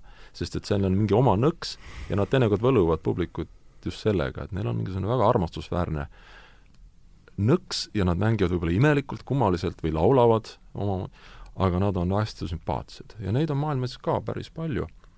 ja, ja see on ka minu meelest nagu väga positiivne signaal noortele muusikutele, et et ükskõik, mida te ka ei tee, kui teil on piisavalt äh, nagu energiat ja püsivust, lihtsalt püsida koos, teha iga päev proovi, õppida üksteist tundma, teha midagi koos. pange tähele, et see lõpeb sellega, et te tulete mingi väga hea asjaga välja lõpuks. ei no kindlasti, ega kõik need ju kuulsad bändid, noh, ega nad ju mängisid ainult seda üht ja sama asja. ega nad ei pidanud ju mängima iga kuu uut kava, noh, nad ikkagi viimistlesid seda asja, nagu muutsid, elasid nagu kuidagi läbi selle ja noh, siis tahtsid esineda rohkem või vähem. Minu arust on nagu noh, kvaliteet on igal juhul tähtsam kui kvantiteet ja see üks õnnestunud laul, kus on palju maailmas bändi, kes on nagu ühe laulu bändid loomulikult, aga see on juba ikkagi sündmus. ajaline mõõde, et ütleme, võtame inimest, noh, tuled siia ilma, eks ole, sa ju õpid algul, eks ole, noorem, siis ennem kui hakkad ise üldse midagi sõna võtma, mõnda tarka ütlema sekka midagi, kulub aega ennem, no ja, ja, ja nüüd kujutad ette, et ütleme, üks selline mingi muusikaline kollektiiv kasvab samamoodi. et no alguses on niisugune natuke roheline, natuke õpib üksteist tundma, on ju, siis saavutab teatud juba stabiilsuse ja lõpuks on mingi küpsus, on ju. vot see tegelikult ei, peab jätkuma see, on ju, aga mis ongi võib-olla probleem selles, et seda ei jätku, seda aega ei anta tihti eh, ühel või teisel põhjusel ja kärsitus ja mm. lihtsalt see kella vaatamine, ma pean täna sinna minema, ma pean, ei saada kokku lihtsalt täna. Ja see on ka üks põhjus, miks me näiteks oleme noh, Alekseiga mängime kahekesi. et no võiks ju võtta ju väga päris palju mängijaid kõrvale no., aga praktiline on jah, pilt on selline, et tegelikult kalendrid on inimestel täis, elu on, pakub kõik, kõikvõimalikke huvitavaid asju maailmas ja lõpuks vaatad, et minutisse ei mahu rohkem mm.. et see on võib-olla see tänapäeva selline noh, nagu ohutõgur, et, et et lihtsalt niivõrd palju huvitavat on maailmas ja võib-olla ka tihti niisugust üleliigset pahna, et noh, raske aru saada, et mis see nüüd see hea ja mis see halb on. Et no, dialoog on muidugi alati, nagu ma ütlesin saate alguses, et meil on nagu see õnn, et me saame improviseerida, me saame muuta vastavalt siis noh, päevale või akustikale või kus me oleme, et me saame nagu ennast suunata erinevad, erinevad, erineval viisil, üritada väljendada seesama, seda nagu maagilist hetke nagu otsida erineval viisil. Ja see on muidugi privileeg. minul on elus muidugi vedanud sellega, et kunagi oli selline bänd Eestis nagu Seitse, Seitse, Seitse, kellest keegi eriti ei tea midagi siis koos Tõnis Mägiga. ja seal oli bändis umbes kuus-seitse inimest, natuke varieerus. et oli selline, lihtsalt oli ka ajalooline hetk, et kus lihtsalt ei olnud inimestel suurt muud teha, tööl, tööl käimine oli ka suht mõttetu ja kiiret ei olnud, me tegime iga päev proovi. kümme tundi proovi. Koos söödi, natuke visati nalja, mindi tagasi prooviruumi jälle. tulemus oli käes ka, et ma mäletan, see see ikkagi selline lava, lava, ütleme, selline tunne, mis pärast oli, see ko-, koos mängimise, ütleme, see efekt. mis aastatesse see jäi umbes? ma pakun välja täpselt äh, vabariigi nagu taasiseseisvumise enne no just, mõni aasta ja see on väga segane hetk ja kuidagi ja sinna ta haihtus ka muidugi, et mm -hmm. oli Mhm. kuidagi niisugune ilus pärl, äh, vähemalt minu elus ka. aga mäletan seda, et iga päev tehti proovi, kümme tundi peaaegu noh. et ei olnud vahet, sest kuhu, kellelgi ei olnud kiiret ja telefone polnud, mobiiltelefone mõtlen ja aga noh, loomulikult seda ei, ei saa praegu üldse sellist asja, ma arvan, ette kujutada, et ja siis on, ongi küsimus, et tegelikult on askees järgmine asi. jaa, ikka, jaa. hakkame loobuma, millest nagu, jah, jah no spordis ka ju, oma pojaga räägin ikka, askees, noh, midagi teha. peod ära, alkohol, Elustiil, alkohol, mingi teatud toitvärk, mingisugune vedelemine, magamine, üleliigne, ei saa. ei no kõigepealt see on jah, askees ja suur pingutus ja see on nagu raske tee, ennem kui sa sinna lavale lähed. midagi teha. et ilma selleta, noh, ei ole mõtet üldse nagu alustada, noh, tähendab, ei ole mõtet planeerida. ja no siis vastavalt võimekusele muidugi edasi aitab kogemus, see on ka väga hea asi. on hea rääkida, kui nagu sellises vanuses juba see aitab tohutult ikkagi. kui nelikümmend aastat oled mänginud, siis sa oled laval käinud erinevat muusikat mängides ja sul on nagu, sa tead, mida oodata ja sa suudad fokusseerida just nendele tähtsatele asjadele, mis sa tahad täna öelda rahvale. et see on nagu lahe. see on nagu lahe. aga jällegi, noh, see eeldab ikkagi, et sa oled võimeline pilli käes hoidma ma küsiks Aleksei käest ka sama küsimus, mis ma Robbie käest enne siin mõne aeg tagasi juba küsisin, et sinu õpet-, õpetajatest no jah, eks see on kindlasti eeskuju, no isa mängis klaverit, väga hästi mängis. ta õppis jällegi muusikute perest siis, jah? ei, ta ei olnud muusik, ta oli Aa. matemaatik ja siis õi- õigeusu preester hiljem, siis kui Eestisse tulime.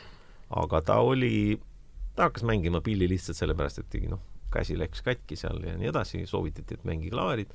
aga tal oli hea õpetaja ja see õpetaja oli väga huvitav, see oli prantslanna, kes abiellus äh, Nõukogude inseneriga ja siis loomulikult saadeti ta Sibirisse ja ta oli kakskümmend viis aastat, see on kuulus äh, naisterahvas ta nagu, ta tegi puidust klaveri imitatsiooni ja ta mängis iga päev, no kõik arvestavad on null.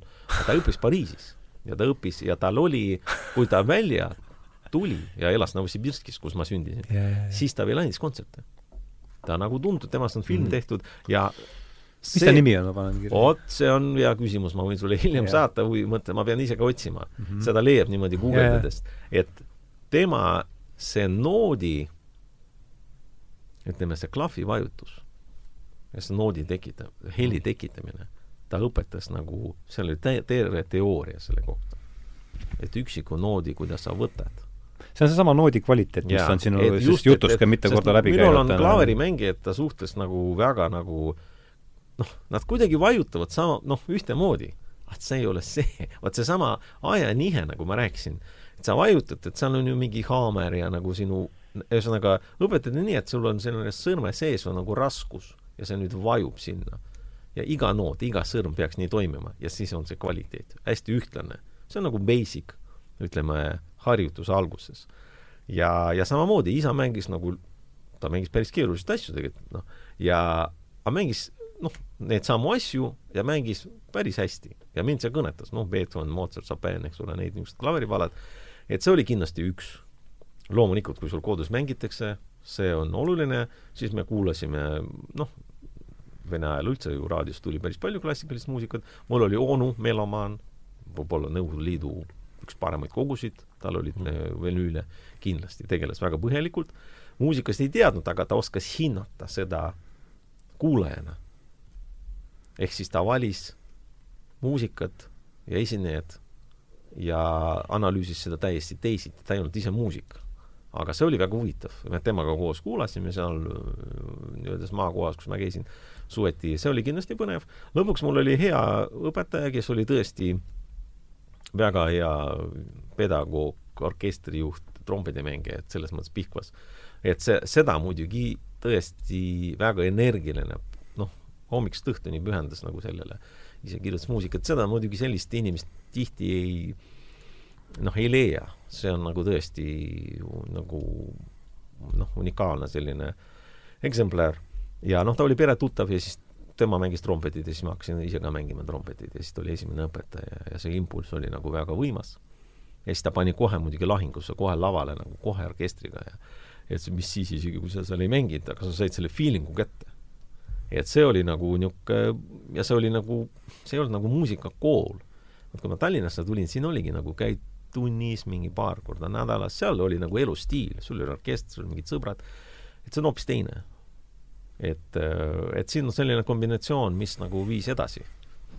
viis edasi ja noh, ju siis see kuidagi mõjus, jah see ajanihe, vot see on ka käinud siin mitu korda läbi ja, ja mina ütleme, muusika kuulaja, mul on kaks korda olnud, mõlemal korral Estonia kontserdisaalis, kus on tõesti reaalne tunne, et aeg jääb korraks jääb, jääb seisma, et palju teil tuleb selline, ja see on naljakas, see Scorsese, mis tegi mm. Dylanist filmi, see algab, Dylan, Dylan ütleb see alguses, et no ta on, muidugi on terve rida trikke, kuidas te saate aja seisma panna, et mm.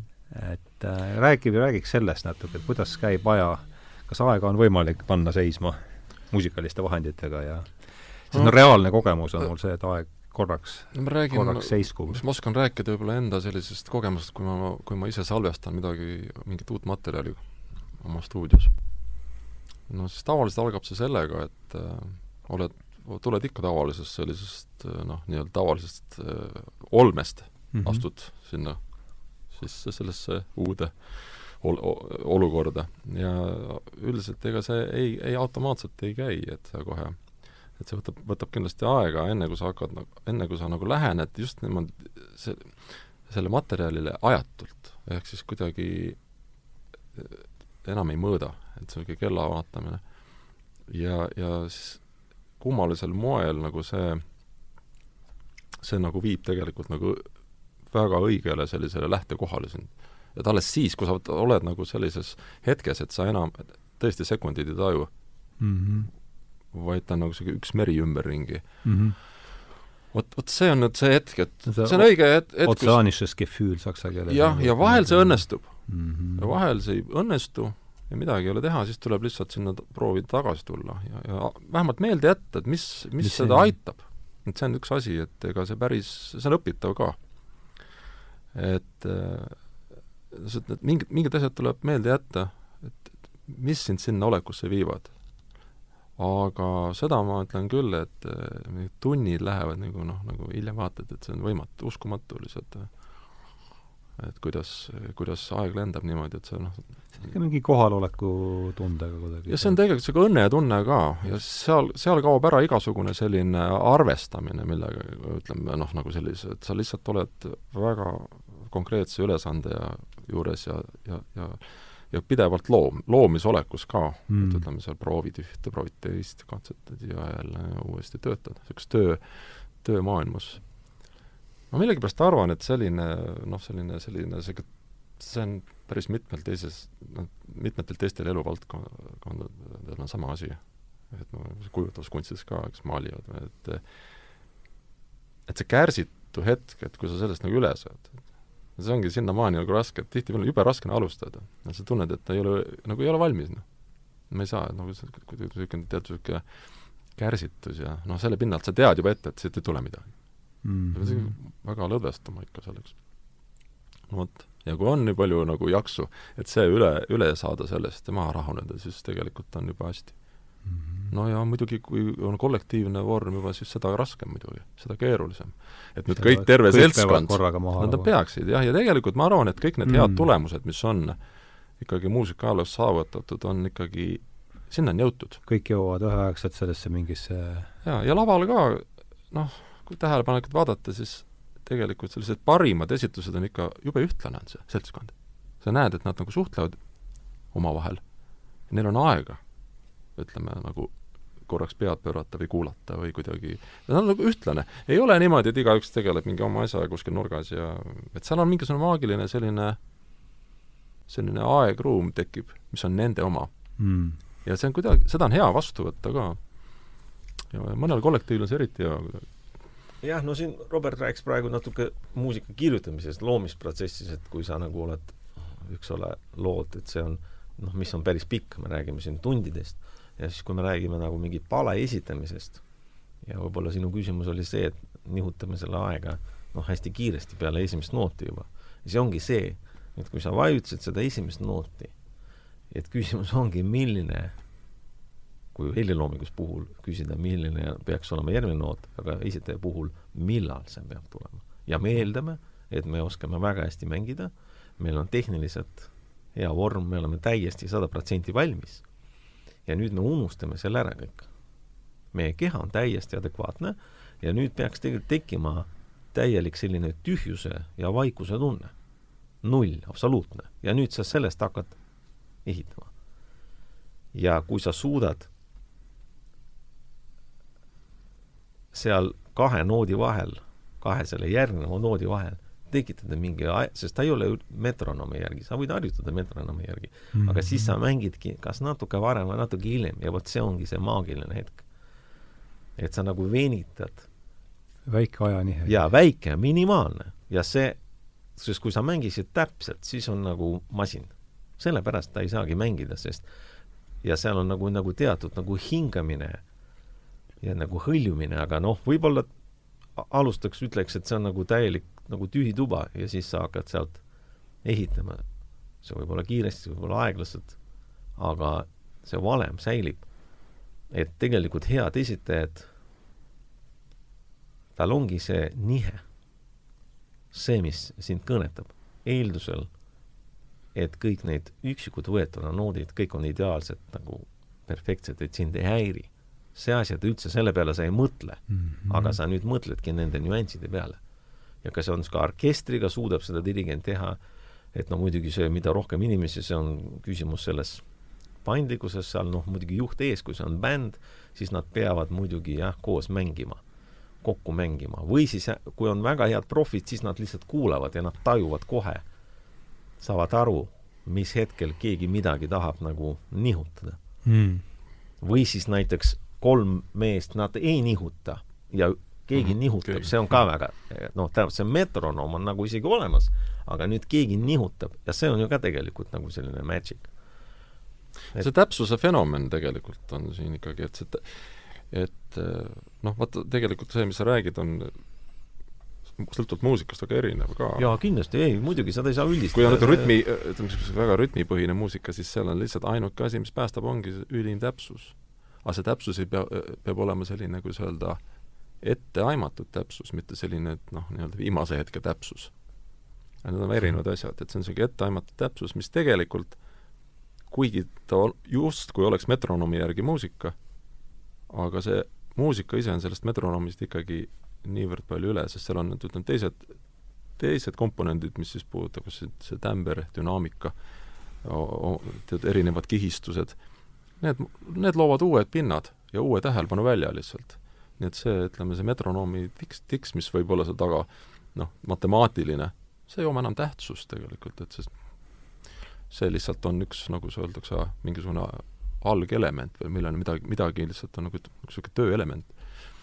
aga hiljem, hiljem on kõik need muud asjad on nagu tähtsamad, nii et, et see täpsus on igal juhul, kas ta on siis sellises ad libitum maailmas, kus on ei, see, sa nagu harjutad sada protsenti täpselt ja nüüd sa oled lihtsalt nii materjalist üle. et no, sa nihutad natuke ja see ongi see võlu. kogu lihtne asi, aga sa ei saa seda teha, kui sul ei ole nagu, sa ei ole võimeline seda nagu täpselt ja igavalt, nagu öeldakse, esitada. sa ei suuda seda, sul ei ole nagu power'it, see on nagu ütleme spordis. no kui sa oled sada protsenti valmis, siis sa saad teha seal mingit nagu trikke või kuidagi nagu, aga sa pead olema nagu noh ära õppinud seda igavat asja. ja no ma ei kujuta ette, minu arust see on no muusikas on küll ikkagi see nagu pillimänguoskus, noh, see on nagu balletis ka, no kui sa ikka tantsida ei oska, no sa ei tee seal mingit trikki, noh. Need on nagu see boonuspunktid ju. noh, muidu sa nagu teed ära või nagu laulja, noh, sa nagu teed ära, ei saa öelda, et midagi valesti on, aga noh, see ei puuduta sellepärast, et sa ei ole materjalist üle. et sa pead tehniliselt materjalist üle olema. ja siis vot see kõik see sinu ma ei tea, see kõrvu, see, mis sul kõrvus on, et kuidas sa tahaksid, et see kõlaks ja mida see ütleb rahvale, kuidas sa puudutad, see on ju alles siis tuleb.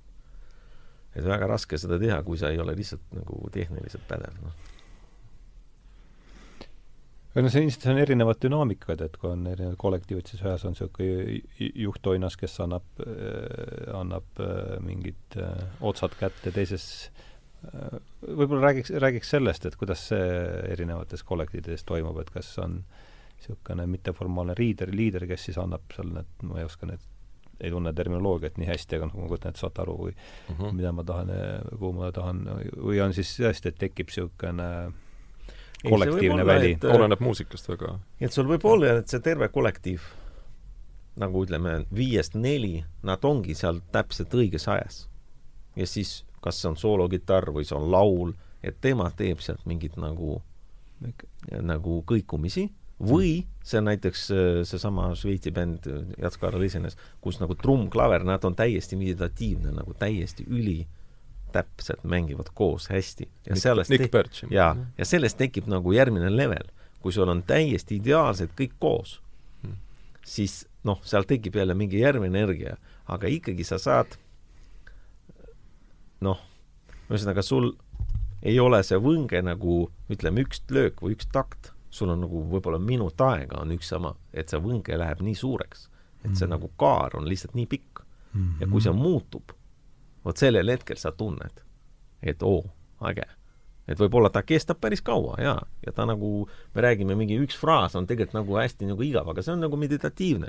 et ütleme, needsamad mantrad on ju, või noh, ütleme tõesti noh, kui sa lähed kirikusse, keegi loeb teksti, kui sa kirikus, see ju tundub, et see on nagu hästi igav. aga see rütm, see tekitab sinus sellist nagu keskendumist, väga fokusseeritud tunned ja nüüd, ütleme muusika puhul, kui sa oled keskendunud, fokusseeritud ja kui nüüd midagi natukene muutub, see on sündmus. see ongi see.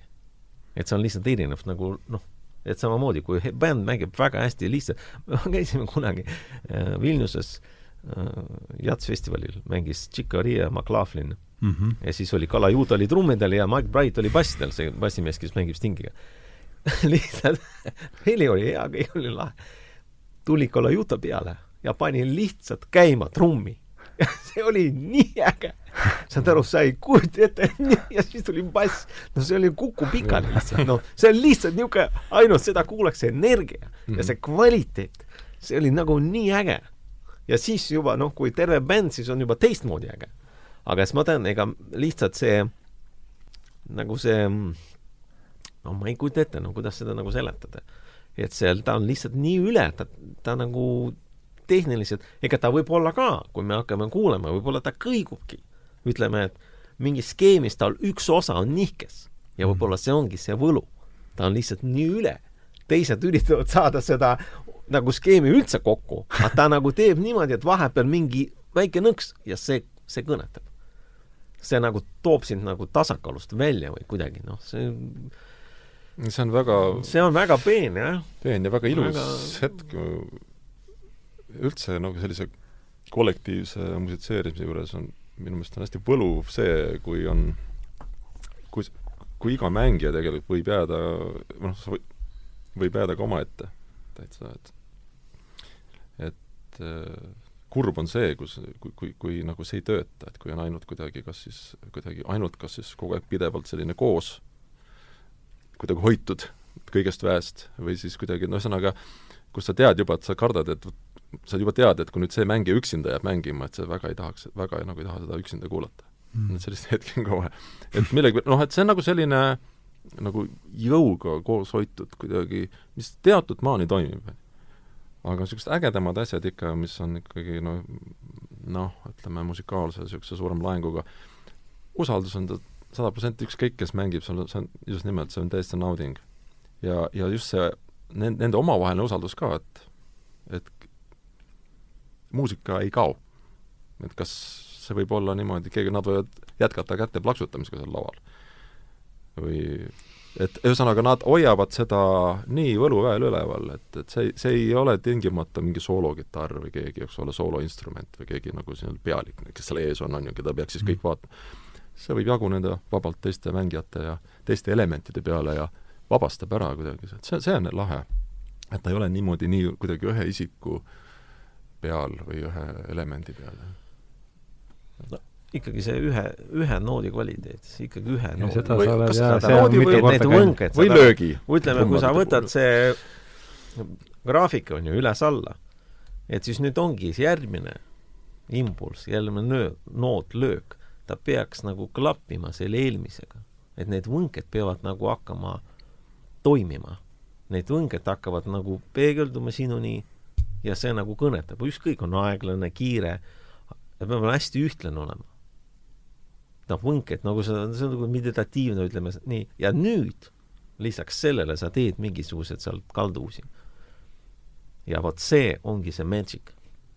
aga sa ei saa teha nagu, kui see rütm või see, noh, ta ei nagu ei toimi, noh, ja noh, sellepärast ongi, kui masina paned, see on väga matemaatiline. aga päris elu ta ei, ei ole, seal on miskit nagu ma ei tea, kas siis ütleme nagu kolmanda ja viienda vahe on nagu natuke erinev, noh, ta peaks olema erinev, võib-olla see ongi see, mis nagu meid puudutab nagu. Noh, see on nagu tuul, ütleme, ega tuul ei puhu ka metsas nagu ühtlaselt, noh, meri küll, ega meri ka ikkagi, lained on erinevad, see ongi see, et see oleks ta ühtemoodi, sa täpselt ütleme, sa ei viitsiks, aga see väiksed nagu kalduvused, üllatused, üllatused. jaa, mingid üllatused, et need nagu kui me võib-olla analüüsime, võib-olla seal ongi, mingi füüsika ütleb, et iga viies, iga kümnes on see, et see ongi normaalne, aga sina võtad selle nagu, nagu niisuguse maagilise nagu tunnetusega. jaa, no aga see on üldse see ikkagi selline tähelepanu oskus või et sellise automaatsuse nagu öelda, kuidas öelda, heas mõttes välistamine, et, et ei ole nii, et kogu aeg ühtemoodi. ma mäletan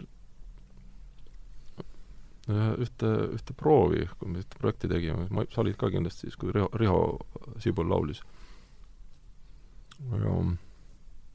ja tal omasel kuidagi hästi niisugusel vaiksel moel, see tekst oli selline, et seda lihtsalt oli tobe karjuda. see oli selline hästi intiimne tekst, aga bänd noh, sel hetkel kuidagi proovis noh, oli noh, kõrvukuuldavalt liiga vali. noh, jupp aega kulus selleks, et, et et mida me siis nagu siin teeme praegu, et, et tegelikult on tekst, see laul on see, see on, see, see on kõige tähtsam. ja see on ka üks asi võib-olla, mida, mida nagu ma, mida ma muusikas vahel märkan, et et, et mängijad ei saa aru, et mis, milleks nad midagi teevad, et, et kui on seal, ütleme, see laul, laulja, solist, räägib, laulab millestki midagi ja kui nüüd tuleb mingid repliigid soolomängijatelt või teistelt, siis need, need peaksid olema musikaalselt ka nagu mõtestatud selle tekstiga, et kas see, kas see sobib üldse, ütleme, millest üldse lauldakse, et see peab olema, no see vaste peab olema analoogia. et see muidu on jabur, noh, et see ma päris, päris tihti märkan seda, seda veidrat äh, tunnet, et laul justkui on millestki muust ja kui see kitarrisoolo, mis jär-, sinna järgi tuleb. et need ei lähe omavahel kokku. vot, vot sellised veidrad asjad, justkui inimesed on eri ruumides. et ikkagi see tervikutunne, kui see õnnestub niimoodi, tõesti, ja siis mõned üksik, mõne üksiku noodiga toetada või miks mitte ka väga tulise soologa, kui see on põhjust, eks aga, aga kuidagi, vot siin ei ole automaatsust, noh, sellist asja, kes seda ütleb, et kuidas vastata mingisugusele, mingile tekstile instrumentaalselt et see on nagu see filosoofiline teema juba ka, et et äk, äkki ei olegi vaja soolot teha, vot see on ka lahe. on osa sellis-, selliseid bände maailmas, kus ütleme näiteks kitarrisoolod praktiliselt puuduvad. väga head bändid. ei ole vaja. kes ütleb, et see peab olema? ja samamoodi igasuguse muusikalise nagu ülesehituse, struktuuri poolest, kes ütleb seda, et näiteks lool peab olema sissejuhatus või outro? mitte keegi ei ütle seda loo pikkus. mitte keegi ei ütle, kui pikk see lugu peab olema ja nii edasi. ma mäletan siis, kui ma Viljandis õpetasin, et et tuli natuke niisugust loomingu tege-, Viljandi siis, Viljandi Kultuuriakadeemias, et, et loomingu küsimused nagu loomingu vallas olid, et, et no ikka noored inimesed nagu, nagu põlevad, sa näed, nad nagu tahaks teha midagi, aga kuidagi ei jõua sellesse punkti, et ei tule tulemust. ja lõpuks sain nagu aru, milles asi on äh,, alahinnatakse kõige lihtsamat meloodiat lihtsalt. ühesõnaga, tavaline, ütleme, kui sa tuled ühe toreda meloodia peale, sest seda lihtsalt nii alahinnatakse, see on justkui mitte midagi. lugu peab ikka olema, kus on ikka vormistatud korralikult kõik, eks ole, kihistused, asjad. vot see on nagu selline ülemõtlemine no, ja, ja muusika sureb ära juba, et ja kui ta läheb on üks, üks hääl, üks noot, see on täpselt. muusika. ja sa võid panna neid ka kakssada ja okei okay.. ja kummalisel moel selline, ütleme, selline nagu selline see kooli olukord, ma tihti näen seda nagu nii-öelda professionaalses maailmas. ikka, jälle. et ühesõnaga, ühte ilusat meloodiat näiteks alahinnatakse lihtsalt. see on vaja kas siis liiga täis mängida või kuidagi noh, nagu no seda on jah ikkagi ässad ju oma tundides rääkinud, et ega sa võtad lihtsa rahvaviisi ja noh, palun mängi mulle seda veenvalt. Või siis teine asi, näiteks kui keegi mängijatest, ta teeb mingi soolo, noh, tuleb soolo, ja nüüd tegelikult seda soolot peaks nagu aitama. mil mm -hmm. moel? vot see on ka asi, et et seda peab väga, väga nagu, nagu oskuslikult toetama, mitte seda nagu lihtsalt kuidagimoodi oma repliikidega hoopiski rikkuma või seda mm -hmm. mõtet. sest keerulised asjad. Ja see tuleb ju kõik reaalajas otsustada. reaalajas ja see Tunnetada, on ju, see on nagu vestlus, noh praegu ja. me räägime niimoodi kolmekesi, vaheldumisi. tegelikult me muusikalaval olles kolmekesi, me peaks rääkima kõik samal ajal. Mm. ja samal ajal ma nagu kuulen ja sinul ja noh, me eeldame, et siis kuulaja võtab ju kõik selle vastu. noh, sõna puhul see ei ole võimalik aga põhimõtteliselt ma peaks arvestama, mida sa ütled, mida Robert ütleb, ja siis see mm. kõik kuidagi kombineerub ja meil on mingi ja mõte, mis stiili me üldse teeme, kas me, äh, kuidas see fraas on, kuidas ma alustan, et millest ma üldse räägin, noh, ennem me oleme ilmselt kokku leppinud. Ja, ja muusikas on see võimalik, et koos mm -hmm. rääkimine. Noh, sõnade puhul, et la laulu puhul on ka näiteks, kui on mitmehäälsus ja seal võib olla, ongi, tal on eraldi tekst, ega noh, see on ju palju klassikas, et sa laulad ühte rida, see laulab teist, et lähevad segamini ja see toimib. ikkagi see toimib, mingit, mingit viisi. et äh, noh, vot see muusika on jah, see võlusõna, et sa suudad seda teha. siin on väga huvitav selline nagu aspekt selle nagu elava esituse juures on see veel, et ähm, see etteaimatavus, millele ma olen hakanud mõtlema, et mis näiteks teatud muusika puhul ei ole väga tore minu jaoks. et see muusika iseenesest, kus ma kuulan näiteks hea aud-, läbi väga toreda audio või klappide, ta mõjub mulle hoopis teistmoodi elavas esituses, kui ma näen seda etteaimatavust, kui keegi näitab mingeid asju sisse. juba, juba jupp aega enne, kui see hetk. aga mida see ära võtab? see võtab tegelikult ära selle hetke, et ütleme, see on mingisugune trummilöök või mingi asi, mis peaks tegelikult noh, tulema minu jaoks üllatusena, üllatust ei ole enam. võib-olla see on juba selline umbes niimoodi nagu ette planeeritud, sa juba visuaalselt tegelikult mm -hmm. näed ja see on ülevõimendatud hetk.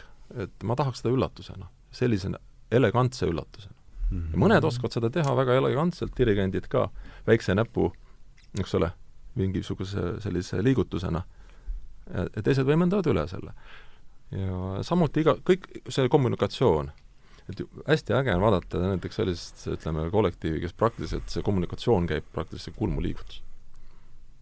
Jaa, no see on, seal on ikkagi see harjutamise, hästi palju pead koos harjutama. aastaid jah, võib-olla koos elatud, oldud koos ja mängitud ja see kulmuliigutus ja see, see, see, see ja see on mingi teadlik valik, ütleme, ega sa harjutadki selleks, et äh, et seda saavutada, sul ongi mõte, sa ikka haridud ju mõttega. sa nagu koos nagu mediteerimine, et sa tahadki paremaks minna just selles osas, et sa suudad koos mängida nii, et sa noh, üksteist ei vaata või kuidagi tiksud koos. Et -hmm. äh, muidu võiks öelda, et milleks me harjutame, meil on see lugu selge, see ei ole eesmärk, eesmärk on nagu see neid jällegi, neid kvaliteet nagu nii kokku panna, sulandada, kõik need üleminekud ja koosmäng, et oleks ideaalne seda tähendab alati nagu Geno Kreemer alati saab paremini, alati saab paremini mängida. selles mõttes, et seda ei ole nii, et sa nagu ja, ja äh, tava, ütleme laval olles on ju see öö, protsent, ega ta ei saa olla just sada, noh, see on väga harva. Et sul ei õnnestu, no mis iganes põhjusel. ja see tähendab seda, et see valmidus peab olema sul üle, kõvasti üle.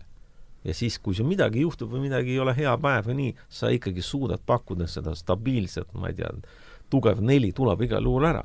ja tegelikult profide puhul ongi väga lihtne, sest keskmine latt on lihtsalt nii üleval. Nad ei tee niimoodi, et et tal on mingi kehv päev ja see on nagu kole, no seda väga harva. kui on täitsa hääl ära, no võib-olla tõesti. Aga muidu, et seda keskmist tuleb nagu üles, üles saada.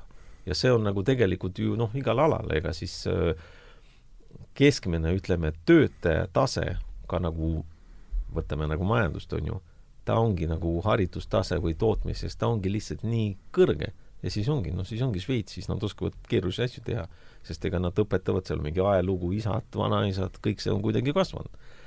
nii et noh, muusikas samamoodi, et, et see haridus, noh, haridussüsteem, siis me juba tuleme sinna haridussüsteemi, niisugune basic. haridus ja siis on need mingid teejuhid, kes on nagu, annavad sulle siis nagu magelist sisend, maagilist sisendit.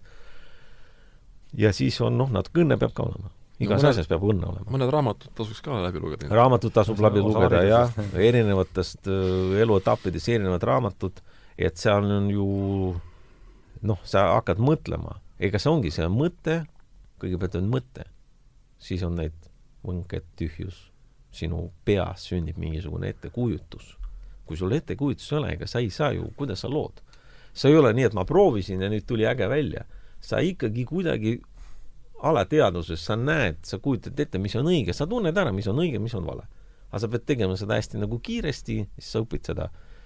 ja järgmine kord sa juba ise nagu kutsud esile need õiged asjad, noh, mis sinu arust õiged. pluss see tehniline baas, noh. Et, et kunst, noh, ütleme muusikas, kui sa nagu esined või salvestad, seal ongi noh, hästi palju komponente, millest see koosneb ja noh, see ongi, see on see põnev, aga noh, see põnevus peab ju olema alles. ega tihti ju see aastatega võib-olla sureb ja sul on nagu kohustus esineda või kõnni, no ega siis lõpuks noh, kuulaja saab väga hästi aru sellest. ta ei oska seda sõnades, sõnastada, ei oska seletada, aga ta saab aru väga hästi mm,. et see ei ole see. kohe üks kontsert ja. ette, kus täpselt see et see, see, see ei ole see, see ei kõneta, et see noh, ka näitleja puhul näiteks, me ju teame, et on kuskilt maalt on professionaalne oskus et väga hästi lihtsalt oskab teha ja mingi hetk on jah, et kas on hea päev, on hea avastus, mingi partnerid, et siis on eriti äge. aga noh, miinimumpakett, lihtsalt elementaarne professionaalsus, noh, see võiks olla iga esineja puhul, on ta rääkija, on ta poliitik, et lihtsalt see latt peab olema nagu kõrgel. ja see on nagu töö, see on õppimine, harjutamine.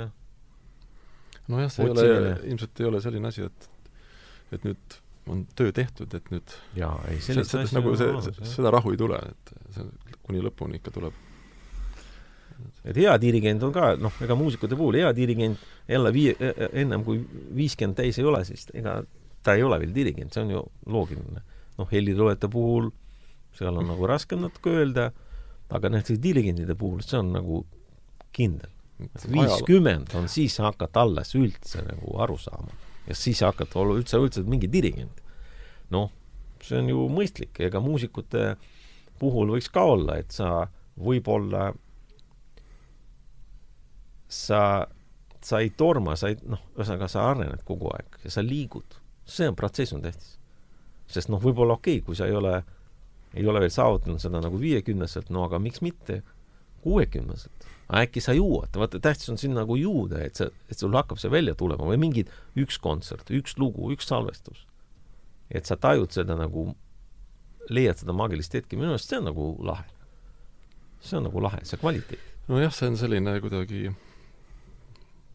see on kuidagi selline heas mõttes annab see nagu lootust ja samas nagu hoiatab ka, et et noh, teinekord see varaandekus, eks ole, et, et see on nagu ka võib-olla nagu tore, aga no mis edasi, on ju. ja samas jällegi see, ütleme, kellel nagu ei tule, ei tule, ja noh, või, või siis kes väga pikalt peab jändama mingite asjadega, ma ilmselt kuulun ka nende hulka. ja ka väga kaua võtab aega üldse millestki ka aru saada, millest midagi õppida, lugeda, üldse e mõista. Enda ka sellesse kategooriasse arvama. ma, aga ta, praegu, kui ma mõtlen, siis mis siis ikka, noh, et see on päris huvitav mm.. nagu tagantjärele vaatad nagu väikse huumoriga mõne asja peale, et kuidas ja lõpuks on niimoodi, et tulevad võib-olla mõned õnnestumised ka ja päris tore, et eh, noh, see on eh, no ütleme nii või teisiti on ülesanne kogu aeg õhus. igas mm, -hmm. jah, igas kunstis või nagu loovus, loovuses, et eh, näiteks sa pead leidma oma stiili, mis sulle sobib, mis sul välja tuleb, kas on see pill või see on mingi stiil. ütleme, oma enese hääl. jaa, ja sa pead seda arendama. Et kõigepealt sa teed hästi palju tööd seda otsida, üldse õppida, niisugune basic sa mängid kõike, siis sa leiad ja siis algab, algas, algab ju see töö, kus sa peaksid leidma enda sees, enda selles nišis nagu väga mingeid huvitavaid asja, mis, millega sa eristud, mis puudutab ja kõnetab teisi inimesi ja nagu just lugesin mingi mõned päevad või noh, mõned aeg tagasi, oli see Akunin äkki, see kirjanik vene, ta ütles, et kui sa oled nagu loovusega tegeled, loovasjadega, siis sa pead ju mõtlema, et sa oled maailma parim. tähendab, see, sa pead üritama olema, olla maailma parim. minu meelest see on absoluutne. see ongi seal ajalt lavale võitma. selles mõttes, seal ei ole mõtet teha, et ma natuke teen. no siis on, see on tarbe, see on tarbekunst see on ka okei okay., ega muusikud on erinevad, sa võid ju mängida ka tarbeasja. aga me räägime sellest nagu esimesest vaaguniklassist nagu, et see on nagu, sa pead olema maailma parim. õnnestub või ei õnnestu, ei tea. aga ilma selleta minu arust ei ole mõtet üldse hakata raiskama mingit, ma ei tea, nagu värvi nagu kunstnikul või nii. et mind nagu aitab see mõte, et et noh, valmis oled sa siis, kui sa oled lihtsalt võimeline oma enesehäälega rääkima mm.. see on hea mõte. et äh, et nii kaua, nii kaua kui seda ei ole ega sa ikkagi noh, nooruses, ega sa õpid ikkagi niimoodi, sa kõik kopeerid kõik kunstnikud, eks ole, Roomas, ma just hiljuti käisin, no tõepoolest, lähed sinna, paar aastat joonistad neid, eks ole, maha. aga see on see, see on, see on baas. ja sellel on äh, väga ilus efekt ka tegelikult, et, et ütleme, see, see moment, kui sa oled tõesti võimeline oma enesehäälega rääkima, sest tegelikult nagu inimesed tunnevad selle ära ka ja see, see on, siis läheb asi nagu ilu, ilusaks ja põnevaks. sest no milleks ikka kopeeri-, kopeerida lõputuid mingeid asju, et see ei ole noh, teatud mõttes nii kaua, kui sa ennast otsid, on see kopeerimine? Ta on tööülesanne, selline jah, et selline kuulub haridusele. see on natuke missioon, et selles mõttes, ega me räägime ju, et see on nagu, kas see on nagu elustiil või see on nagu elufilosoofia, et ega noh, palju sa jõuad sellega päevas tegeled, et kas sa sulged nüüd noh, kas see on see tee, et sa sulged ennast nagu tuppa ja nüüd otsid ja millegi muuga reaalse eluga ei tegele, ma ütleks, et kui see on teadlik valik, sa pead siiski olema ikka võimeline nagu ümber lülitama. et ma nüüd tegelengi selle asjaga ja siis, kui on vaja, siis ma lähen ja lüpstan lehma. see on okei okay., see ei ole probleem, see on ju sinu peas kõik et kui sa nagu tahad areneda ja tegeleda, siis on, otsid ja rahulikud, muidugi teatud noh, valdkondade elustiilid ilmselt omavahel ei klapi, no ei sobi. et äh, sa ikkagi noh, mingist nii-öelda kunstist pead elama, aga no ma ei tea, päris nagu tiipi ei ole mõtet minna no.. jaa, aga nagu sulgeda väga ilusaid nagu... näiteid on maailmast võtta, et kus on nagu näiliselt väga erinevad valdkonnad niimoodi tundub või noh, et on äh, kenasti koos, see Moog süntesaatori ülejutte Robert Moog, kes on siit ilmast läinud küll aastaid juba, noh, täiesti selline tehniline maailm, eks ole, kui niimoodi öelda, süntesaatorid, kui need ka-, gaas üles kergitada, mis seal, mis seal all on, eks ole, juhtne rägastik ja kiibid. et äh, hobiaednik, kasvatas ise kurke, tomateid ja nautis seda. film on temast hästi vahva. lapse meelsus, selline õnnetunne, kuidas ta neid vaatas kastis, neid kohendas oma neid tomateid seal, ise ta, nad tõepoolest ka iseendale nad seda aeda tegid ja nautisid seda tulemust. ja nad mõni tund hiljem juba koos äh, seal õpilastega või kes tal noored ümber olid, need olid, sagisid tohutu uudishimuga ja ta oli tõesti äh, nendega nagu äh, kuidagi klappis hästi ja uudishimu kogu aeg kandis teda ennast edasi ja, ja noh, nii, nii need ideed tulid ja ja seal ei olnud vahet sellel töö, noh, nagu ütleme, sellest tööajal ja mitte tööajal või kuidagi tema olemus oli ikka seesama. selline rõõmus, mitte liiga selline kulmu kortsutav ja, ja kuidagi jätkuv selline huvi ja just see tööelement, et, et noh, kogu aeg vaja teha midagi. järg-, mingi ülesanne püstitus äh,, ja katsetamine ka, sest noh, mõned asjad lähevad tuksi no,, seal mõned tomatitaimed olid seal viltu, eks ole, et mitte midagi, näed, rääkis, näed, ei tule midagi. samamoodi mingisugune asi, näed, ei anna signaali, eks ole, mis me nüüd teeme. et nüüd tuleb teistmoodi lahendada, et see tegelikult on, need kaks maailma ei ole nii erinevad.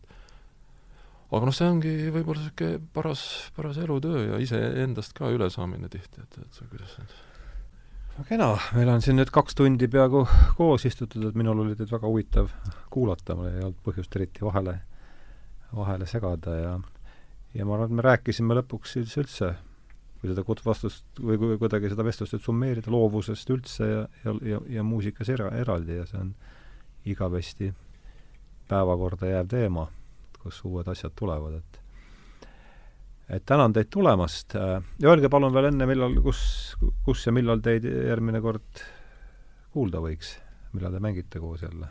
no meid juba aprillis on praegu vist äh, jõulu jõulukont-, mis jõulu, jatskontsert, džässkontsert. praegu on jõuluaeg. ja džässkontsert on meil aprillis. Teate kuupäeva ka või? ja kolmteist ma pakun, esmaspäev, esmaspäeval džässklubi on see. ja see on äh, Radissoni hotellis. hotellis, jah. seal üleval, jah? korrusel, jah. ja noh, siis vaatame. pilet, piletid kahekesi olete? jaa, hetkel küll. piletid müügis? ikka. jah ja siis on, eks me salvestame nüüd, üritame salvestada siin üle pika aja midagi koos ja materjal on meil läbi mõeldud, eks me loodame, et sellest äh, sünnib selline väärikas, väärikas äh, plaat või, või jah, plaat, pigem plaat. ja tasakesi liigume, ega et äh, valime ja et ega palju, palju seda ei saa olema niikuinii ja siis noh, kui vähe, siis on ka hästi et ikkagi see iga esinemine on natuke sündmus ja et äh, proovime ikka edasi, edasi teha veel, et ideed on õnneks ja uus looming ja niimoodi kulgeme. väga kena, kolmeteistkümnendal aprillil siis midagi ette ei tule, siis tõenäoliselt varem ei näe, siis Just. seal. et tuhat tänu teile tulemast, Robert Jürjendal, Aleksei Saks see oli siis järjekordne, ma ei teagi, mitmes, kusagil seitsmekümnes äh, tähenduse teejuhtide vestlusring ja ja veel kord minu külalisteks olid Robert Jürjendal, Jürjendal, Aleksei Saks ja mina saatejuht Ardo Pajula, tänan teid kuulamast ja